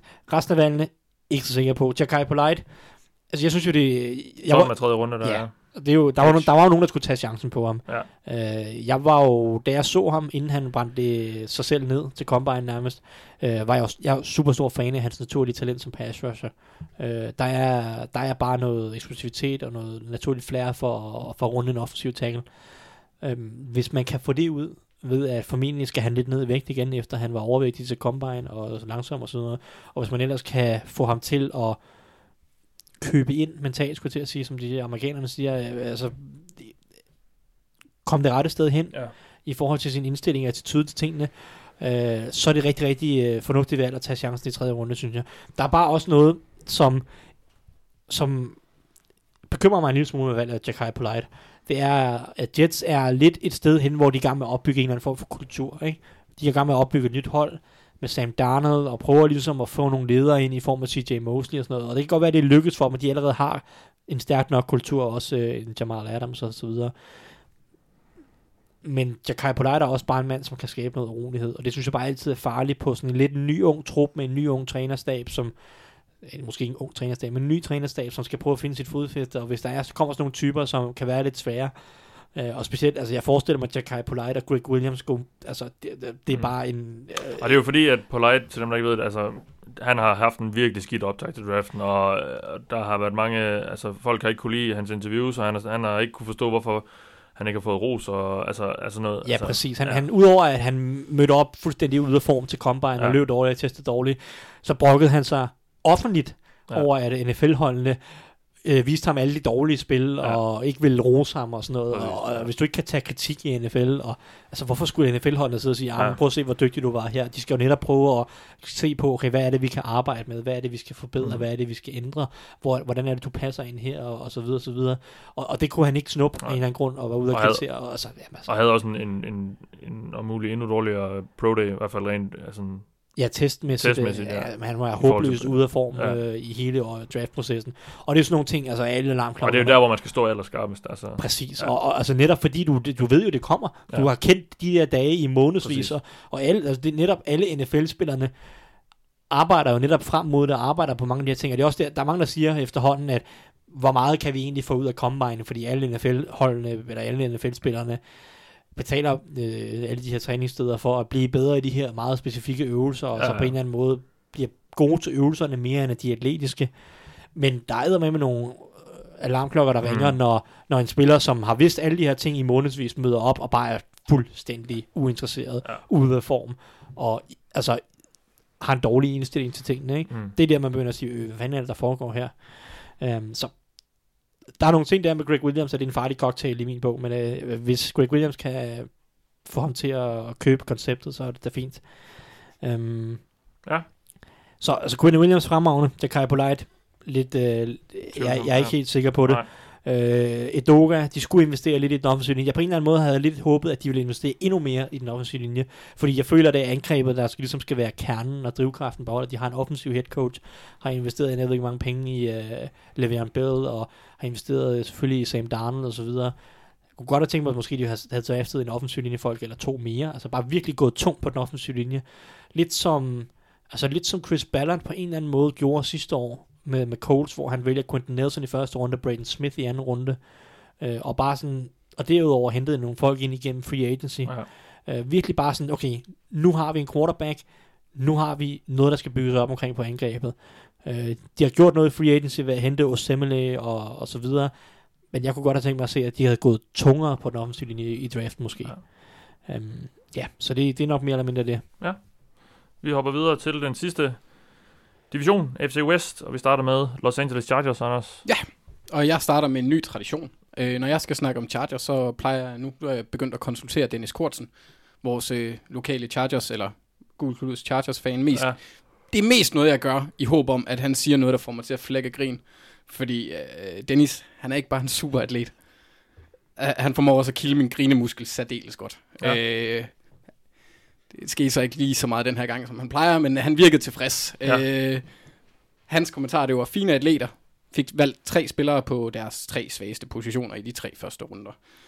Øhm, så det er jo, og man kan sige, i forhold til vores forventninger, der, øh, der sagde jeg i, i optakten, at jeg forventede, at de gik på det tykke mænds tog, og det virkede også til, at det var størstedelen af det, de gjorde. Mm. Mm. I hvert fald tre af deres valg var, var relativt tunge. Ja. Øhm, og jeg er, er rigtig, rigtig tilfreds med, eller øh, glad for, om man vil, øh, valget af Jeffrey Tillery. Øh, Jerry. Jerry Tillery, ja. sorry. Det er ham og Simmons. Ja, det, ja. Øh, en virkelig god spiller på en position, hvor behovet var ret stort. Øh, vi var inde på også i optagsprogrammerne, der ikke var meget bag mi-bane. Øh, de havde Justin Jones, som, som Dennis så fik tydeligt gjort, at han ikke er fan af, øh, under mokken i, i, for nogle uger siden. Øh, så derfor var det forventeligt, at de ville gå D-line her. Men jeg er fan, Ja. han er, som, som Dennis også siger, en fin atlet. Ja. Øh, og så i anden runde tager de mener jeg. Siger Adelaide, jeg mener, Ja, ja, det er jeg en er runde, ja. lige forvirret lidt. Øh, var mange projekteret til at gå i første runde, også som en af de første safeties, hvis ikke den første. Øh, ved, jeg har set mange mocks, der havde ham til Packers i hvert fald, eller i hvert fald ved 22-20-ish der. Ja. Øh, og han fylder et umiddelbart behov hos Chargers. Han er en safety, der har værktøjerne til at spille den rolle, som Earl Thomas udfyldte i, øh, i Gus Bradleys forsvar. Ikke at han er Earl Thomas, men Nej. I forhold til, hvad jeg har kunne læse mig frem til, Ja. ja. så, øh, så, øh, så kan han have den Klassiske rolle. free safety type. Ja. Helt, helt klart. Ja, og så, Perfekt, perfekt til at komplementere Derwin James. ja, så det var netop det, jeg havde. Så kunne, så kunne han øh, agere go-go-gadget super freak øh, øh, tættere på linjerne. Øh, og det er del med et godt ægteskab mellem talent og værdi, synes jeg. Ja. Øhm, I forhold til spillere, hvor jeg var sådan lidt... Mm, så en, en spiller som Drew Tranquil, eller Tranquil, som de... Øh, ja, de, de nappede i... Nu skal vi lige se, hvad det er. Femte runde. Fjerde runde? Ja. Øhm, han har nogle værktøjer, der er brugbare i, i NFL. Han er god i opdækning, øh, eller udmærket i opdækning, men har nogle mangler på mange områder. Øh, han har tidligere spillet defensive back, hvilket også var nugget, som, som Dennis han, han smed med. Øh, og det tror jeg også kunne være det, der virkede tiltrækkende for Chargers i det. Øh, det mærkede jeg i hvert fald selv sidste år, da de kørte nærmest kun med, med øh, defensive ja. backs mod Lamar. Ja. Men hans loft er ikke voldsomt højt, og han læser spillet en kende for langsomt. Øh, men jeg vil også dog indrømme, at lige, lige her går vi op i petitesser. Ja, okay. Øhm, den anden, hvor jeg kan være lidt utilfreds, det er måske også, fordi jeg ikke ved en skid om ham. Det er øh, Trey Pipkins. Fremragende navn. Ja. Øh, som de valgte i tredje runde fra en lille anden divisions skole, der hedder Sioux Falls. Offensiv tackle. Yes. Øh, og det var en af de store tykke mænd. Så det, det, altså det er virkelig svært at sige, om det valget er godt eller skidt. Det er et sats, for niveauforskellen er markante. Øh, han har de fysiske kvaliteter af, hvad jeg har kunne læse, for jeg har ikke set ham. Det er et lille bitte college. Mm. Øh, umuligt at opdrive ja. ja. videoer af ham. Ja. Ja. Der lå ingenting på Okay. YouTube. Så altså, han, han har kvaliteter, de fysiske kvaliteter til at blive en NFL-tackle, og hans, øh, en, en over, han er en overgennemsnitlig atlet, men han mangler noget styrke, øhm, og så er hans teknik øh, forståeligt nok rimelig rå. Øh, så det, det kan man godt have lidt sådan iffy med. Mm. Og så øh, bliver jeg lige nødt til at, og, og, og den sidste kommentar, for, for at ære Dennis, øh, sluttede han af med, med at, at lige nævne Easton Stick, hvor at Ja, han, han. Ja, han skrev simpelthen, bedst af alt har Tom Telesco ikke afvist, at Easton Stick skal bruges i en Taysom Hill-rolle. så der kom Okay. han igen. Ja, godt. Ja, det er endnu en Taysom Hill-tanke rundt omkring i NFL. Jamen, det er jo det, altså, G- det er jo en copycat GM's league. er så u- Ja. uopfindsomme. Det er en copycat league, altså det er det bare. Uh, nå, Chiefs, Thijs.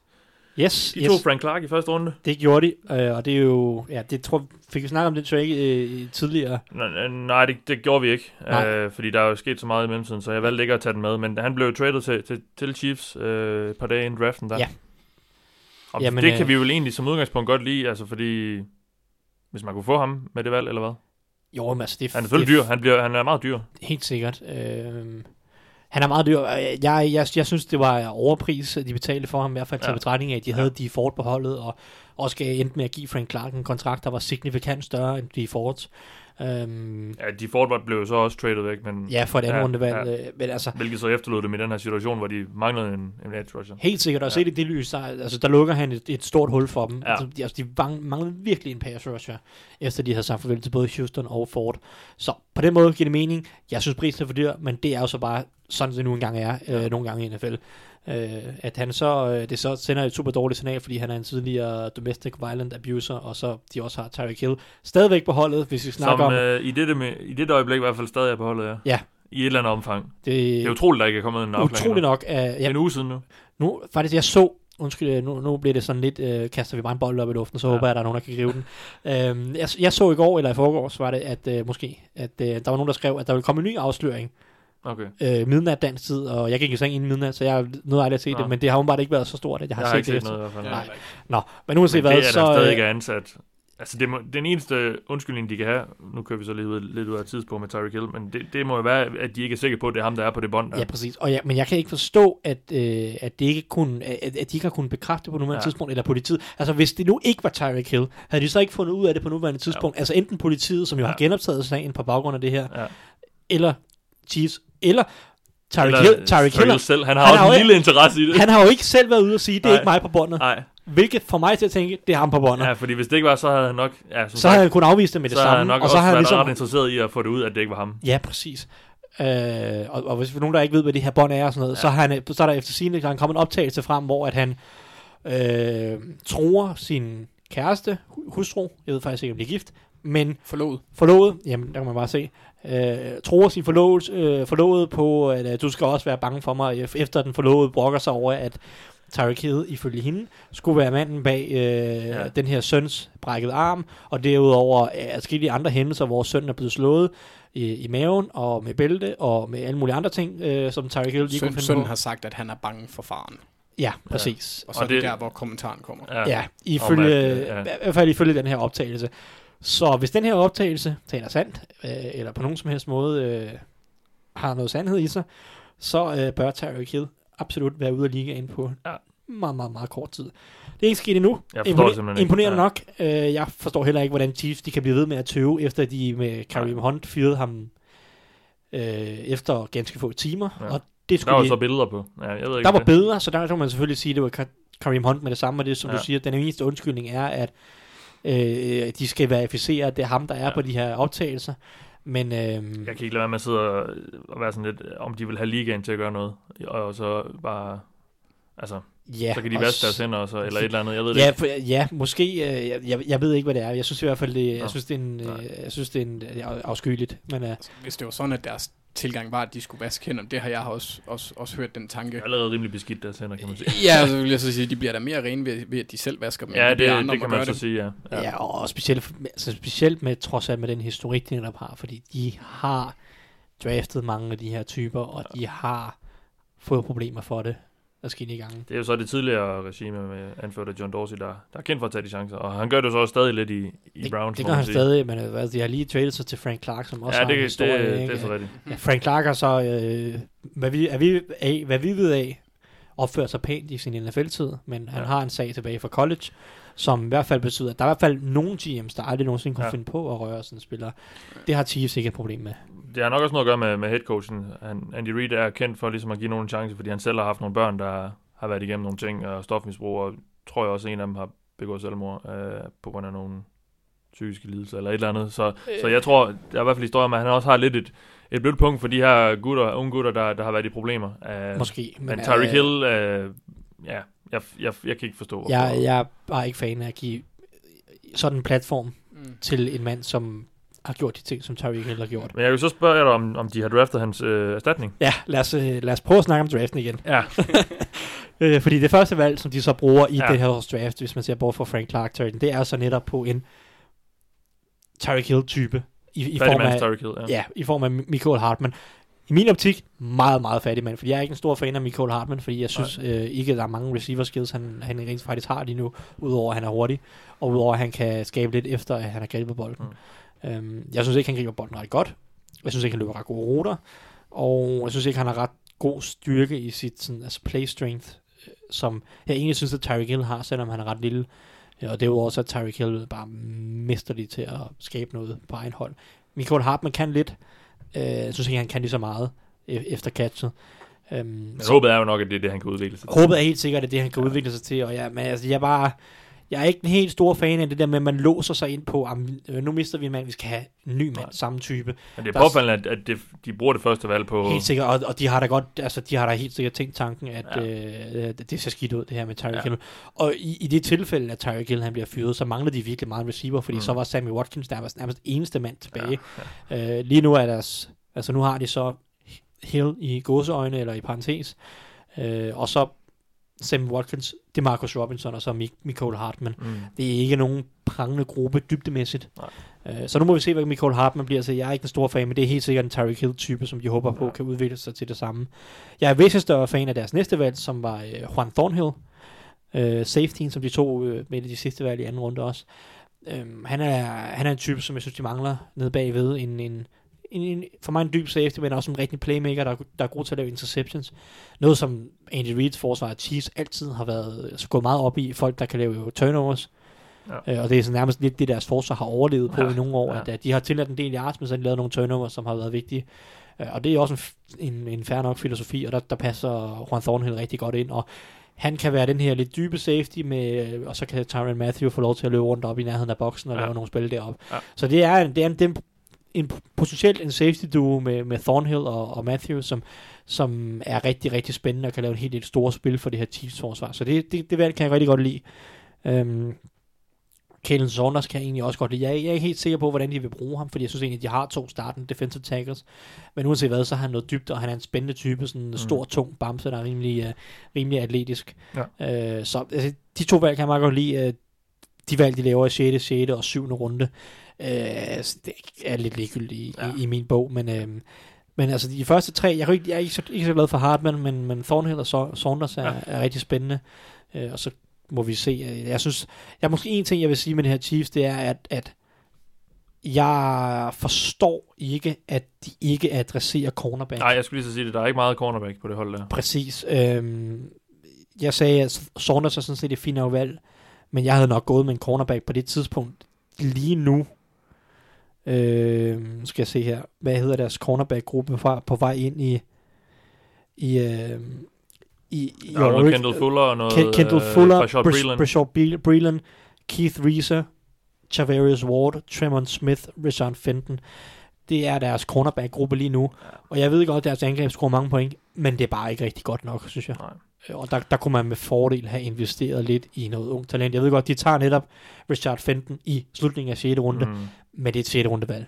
Man kan så sige, der er ikke så meget tilbage, da de valgte i første gang i anden runde. Øh, der, var, der var det der run på, på cornerbacks. Ligesom Nå, men altså, kørt jeg tænkte på 3. rundevalg med Åh, ja, Saunders. ja. Der var der nogle typer der, nu, kan jeg ikke, nu er jeg ikke sikker på, øh, om det var før eller efter Justin Lane valg. Det var okay, det var med valget efter de første to. Det. Okay. ja, Men uanset hvad, der er stadig nogle Ja. typer, jeg ville have taget chancen på. En Amani Odovarie, som endte med at gå til Lions først i femte runde. Ham var jeg stor fan af. Jeg synes, der var cornerbacks tilbage også i, i bunden af tredje runde. Jeg mener også, der var en type som Isaiah Johnson. Jeg er ikke en stor fan af Isaiah Johnson, men han er da en færre mand at tage en chance på. Det samme med en type som Jamel Dean.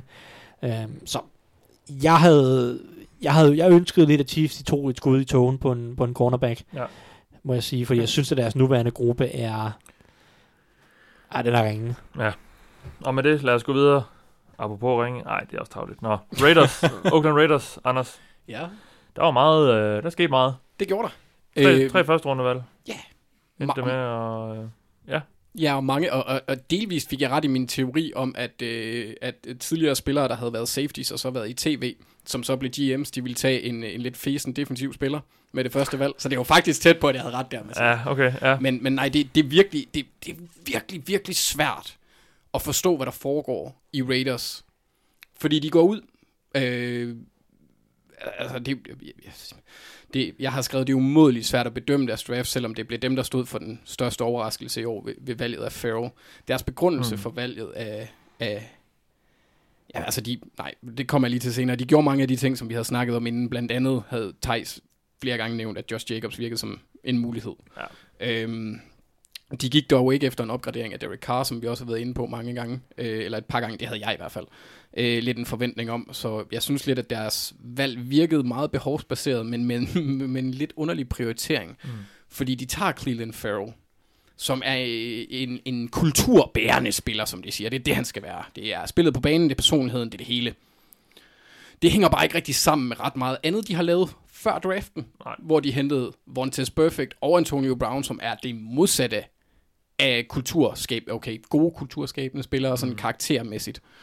Øh, så, Perfect skaber også en kultur. Ja, det, og, og det gør Antonio Brown også. Det, ja. det er bare ikke en særlig god ikke, en. Nej, nej. nej. Så, så derfor Men, ja, ja. Var, var begrundelserne for det sådan en, en lille bitte smule underligt. Men lad mig starte med det, jeg godt kan lide. Ja. Ham nævnte vi også. Uh, ham har vi været inde på uh, i, i optakten. Det er Hunter Renfro. Ja. Den skal nævnes. De to, de to tre Clemson-spillere, ikke? Fire Clemson, ah, tre, tror jeg. Ja. Jeg har kun valgt at, at fokusere på en positivt. Ja. Uh, jeg kan bare godt lide hans historie, hans, uh, hans sådan fighter-instinkt, og han giver Carr en god sikkerhedsventil, hvis han klarer mm. kottet. Øh, det er dog langt fra sikker på, men det bliver, det bliver spændende at se.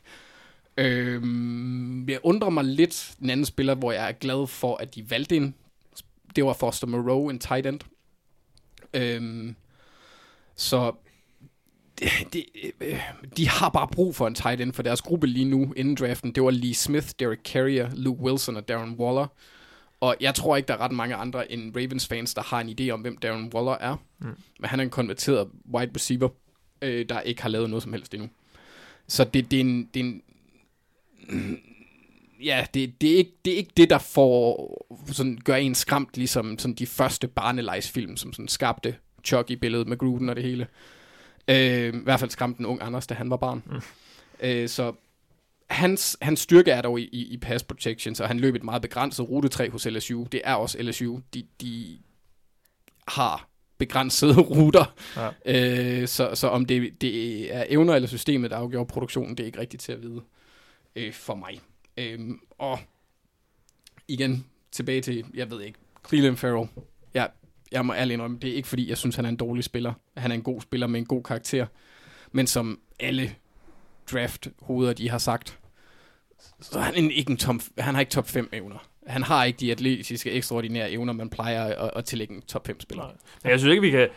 Jeg synes nærmere, man skulle, man skulle give dem hug for, for Josh Jacobs valget. Og især med det 24. Øh, fordi, fair nok, hvis man gerne vil have ham, men hvem, altså... Miles Sanders var den næste. Det, ja, den eneste, det eneste andet hold, man sådan kunne have forventet, ville tage en, en running back så højt, det var Eagles. Ja. Og de havde to valg før, traded sig op for at tage en tackle. Så, ja. så de var ikke en konkurrent til at tage Josh Jacobs. Hvorfor så ikke vente? Så tager man til Sweat. Han gik, han gik to valg efter, for eksempel. Altså, men jeg synes bare, de havde intet pass rush sidste år. Jeg ved godt, de tog en med det fjerde, men ja. double down, altså... Men, man, men det, det er jo... Defensive tackle. Ja, ja. Uh, Jerry Tillery. Altså, og så, så kan man så, så kan vi til noget skulle have levet med, at de har taget Josh Jacobs med det 27. valg, som de så også havde. Mm. Uh, jeg forstår ikke, de skulle tage det med det 24. Hvem, hvem, hvem, altså, Men hvem frygtede tror, de? Hvem, altså, det forstår jeg ikke. Jeg tror bare, det, det, jeg tror netop, det er det samme øh, princip, der går igen der med, at man har...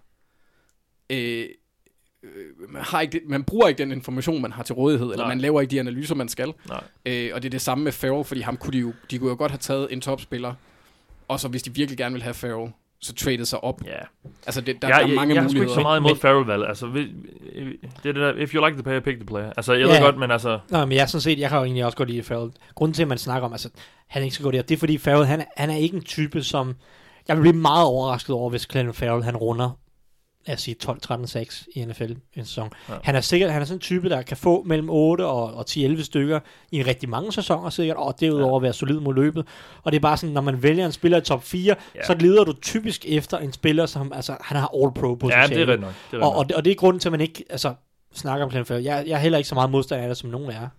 Øh, altså, og jeg vil også sige, i forhold til Raiders draft, der er Altså, der er ligesom to baller. Du kan netop t- kigge på nogle af de her. Der er også noget værdi i forhold til positionen. De tager også en strong safety, selvom de har Carl Joseph, der er en fin nok strong Ja, safety.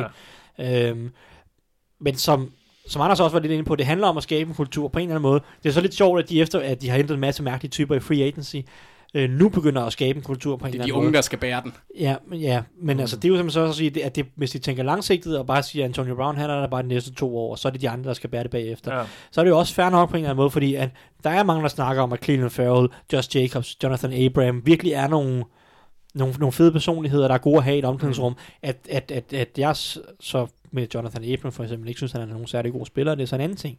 Men der er mange af de her typer, som netop er hold, som du kan bygge en kultur op omkring, hvis du ellers skal styre alle de andre hoveder, som du har hævet ind i free agency. Mm. Så altså set med det lys, der kan man i hvert fald godt snakke om, at Raiders måske i hvert fald bygger en eller anden form for stamme for fremtiden.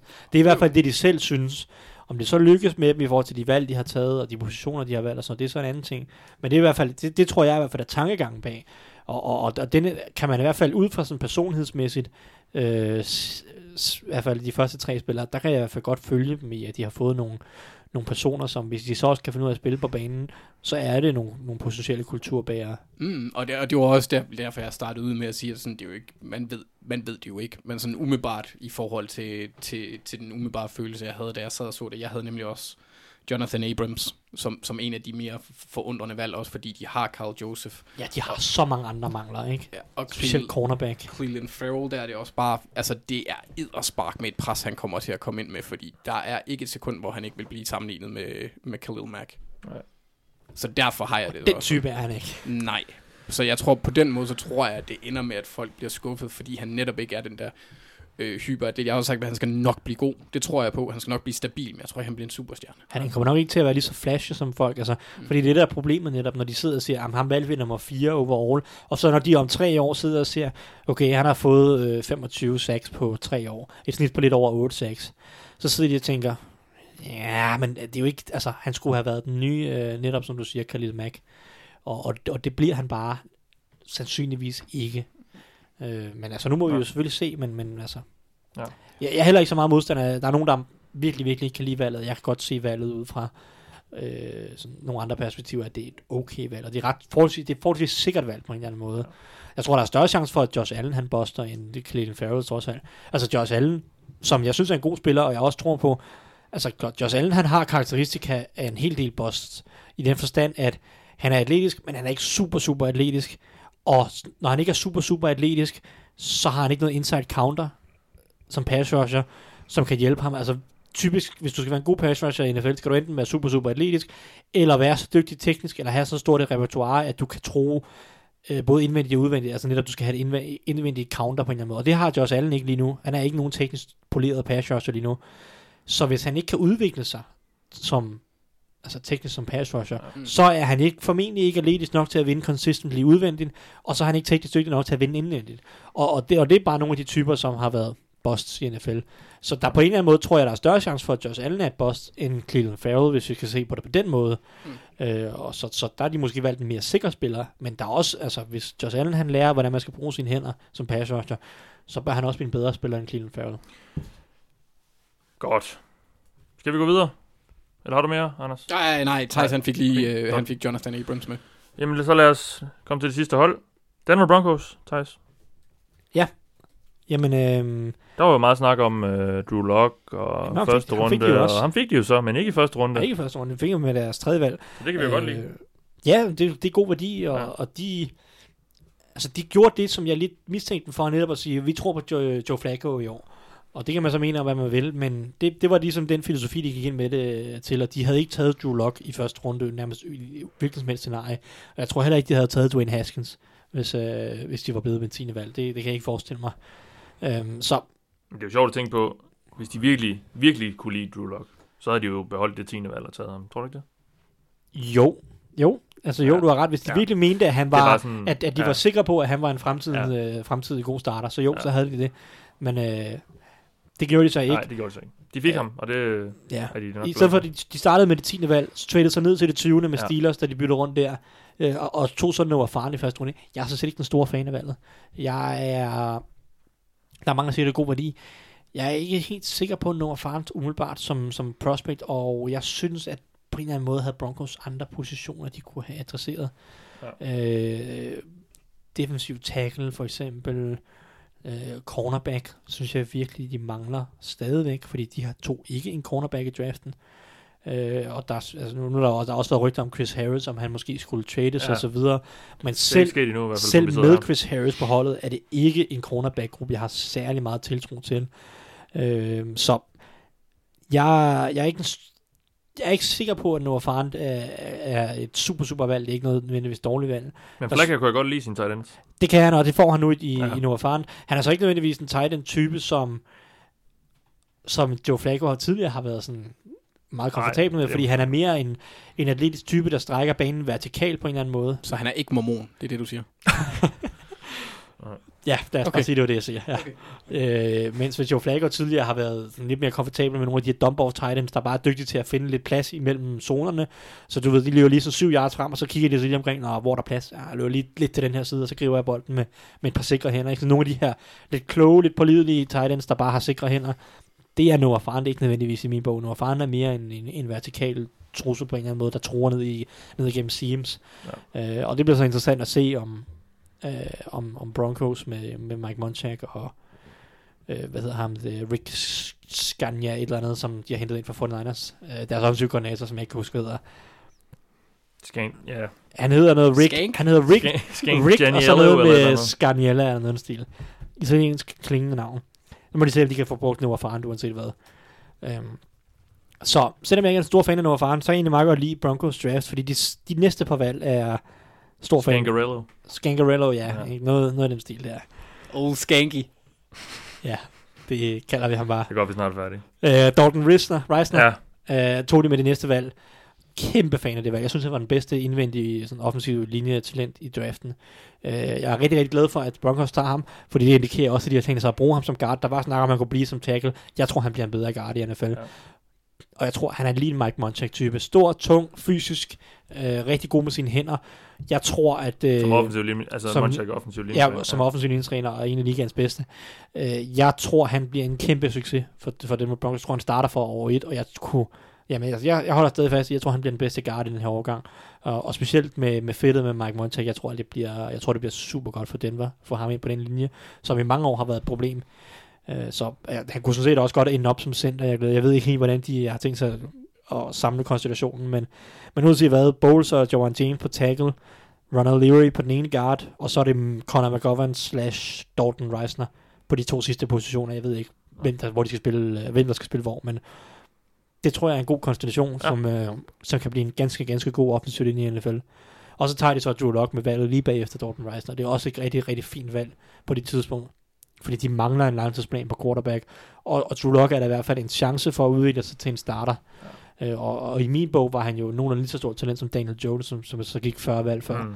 Så jeg synes, det i anden runde, der ramte, der ramte Denver den lige røven. Og jeg synes egentlig Ja. også, at de, de senere valg med Draymond Jones og Justin Hollins er udmærket valg.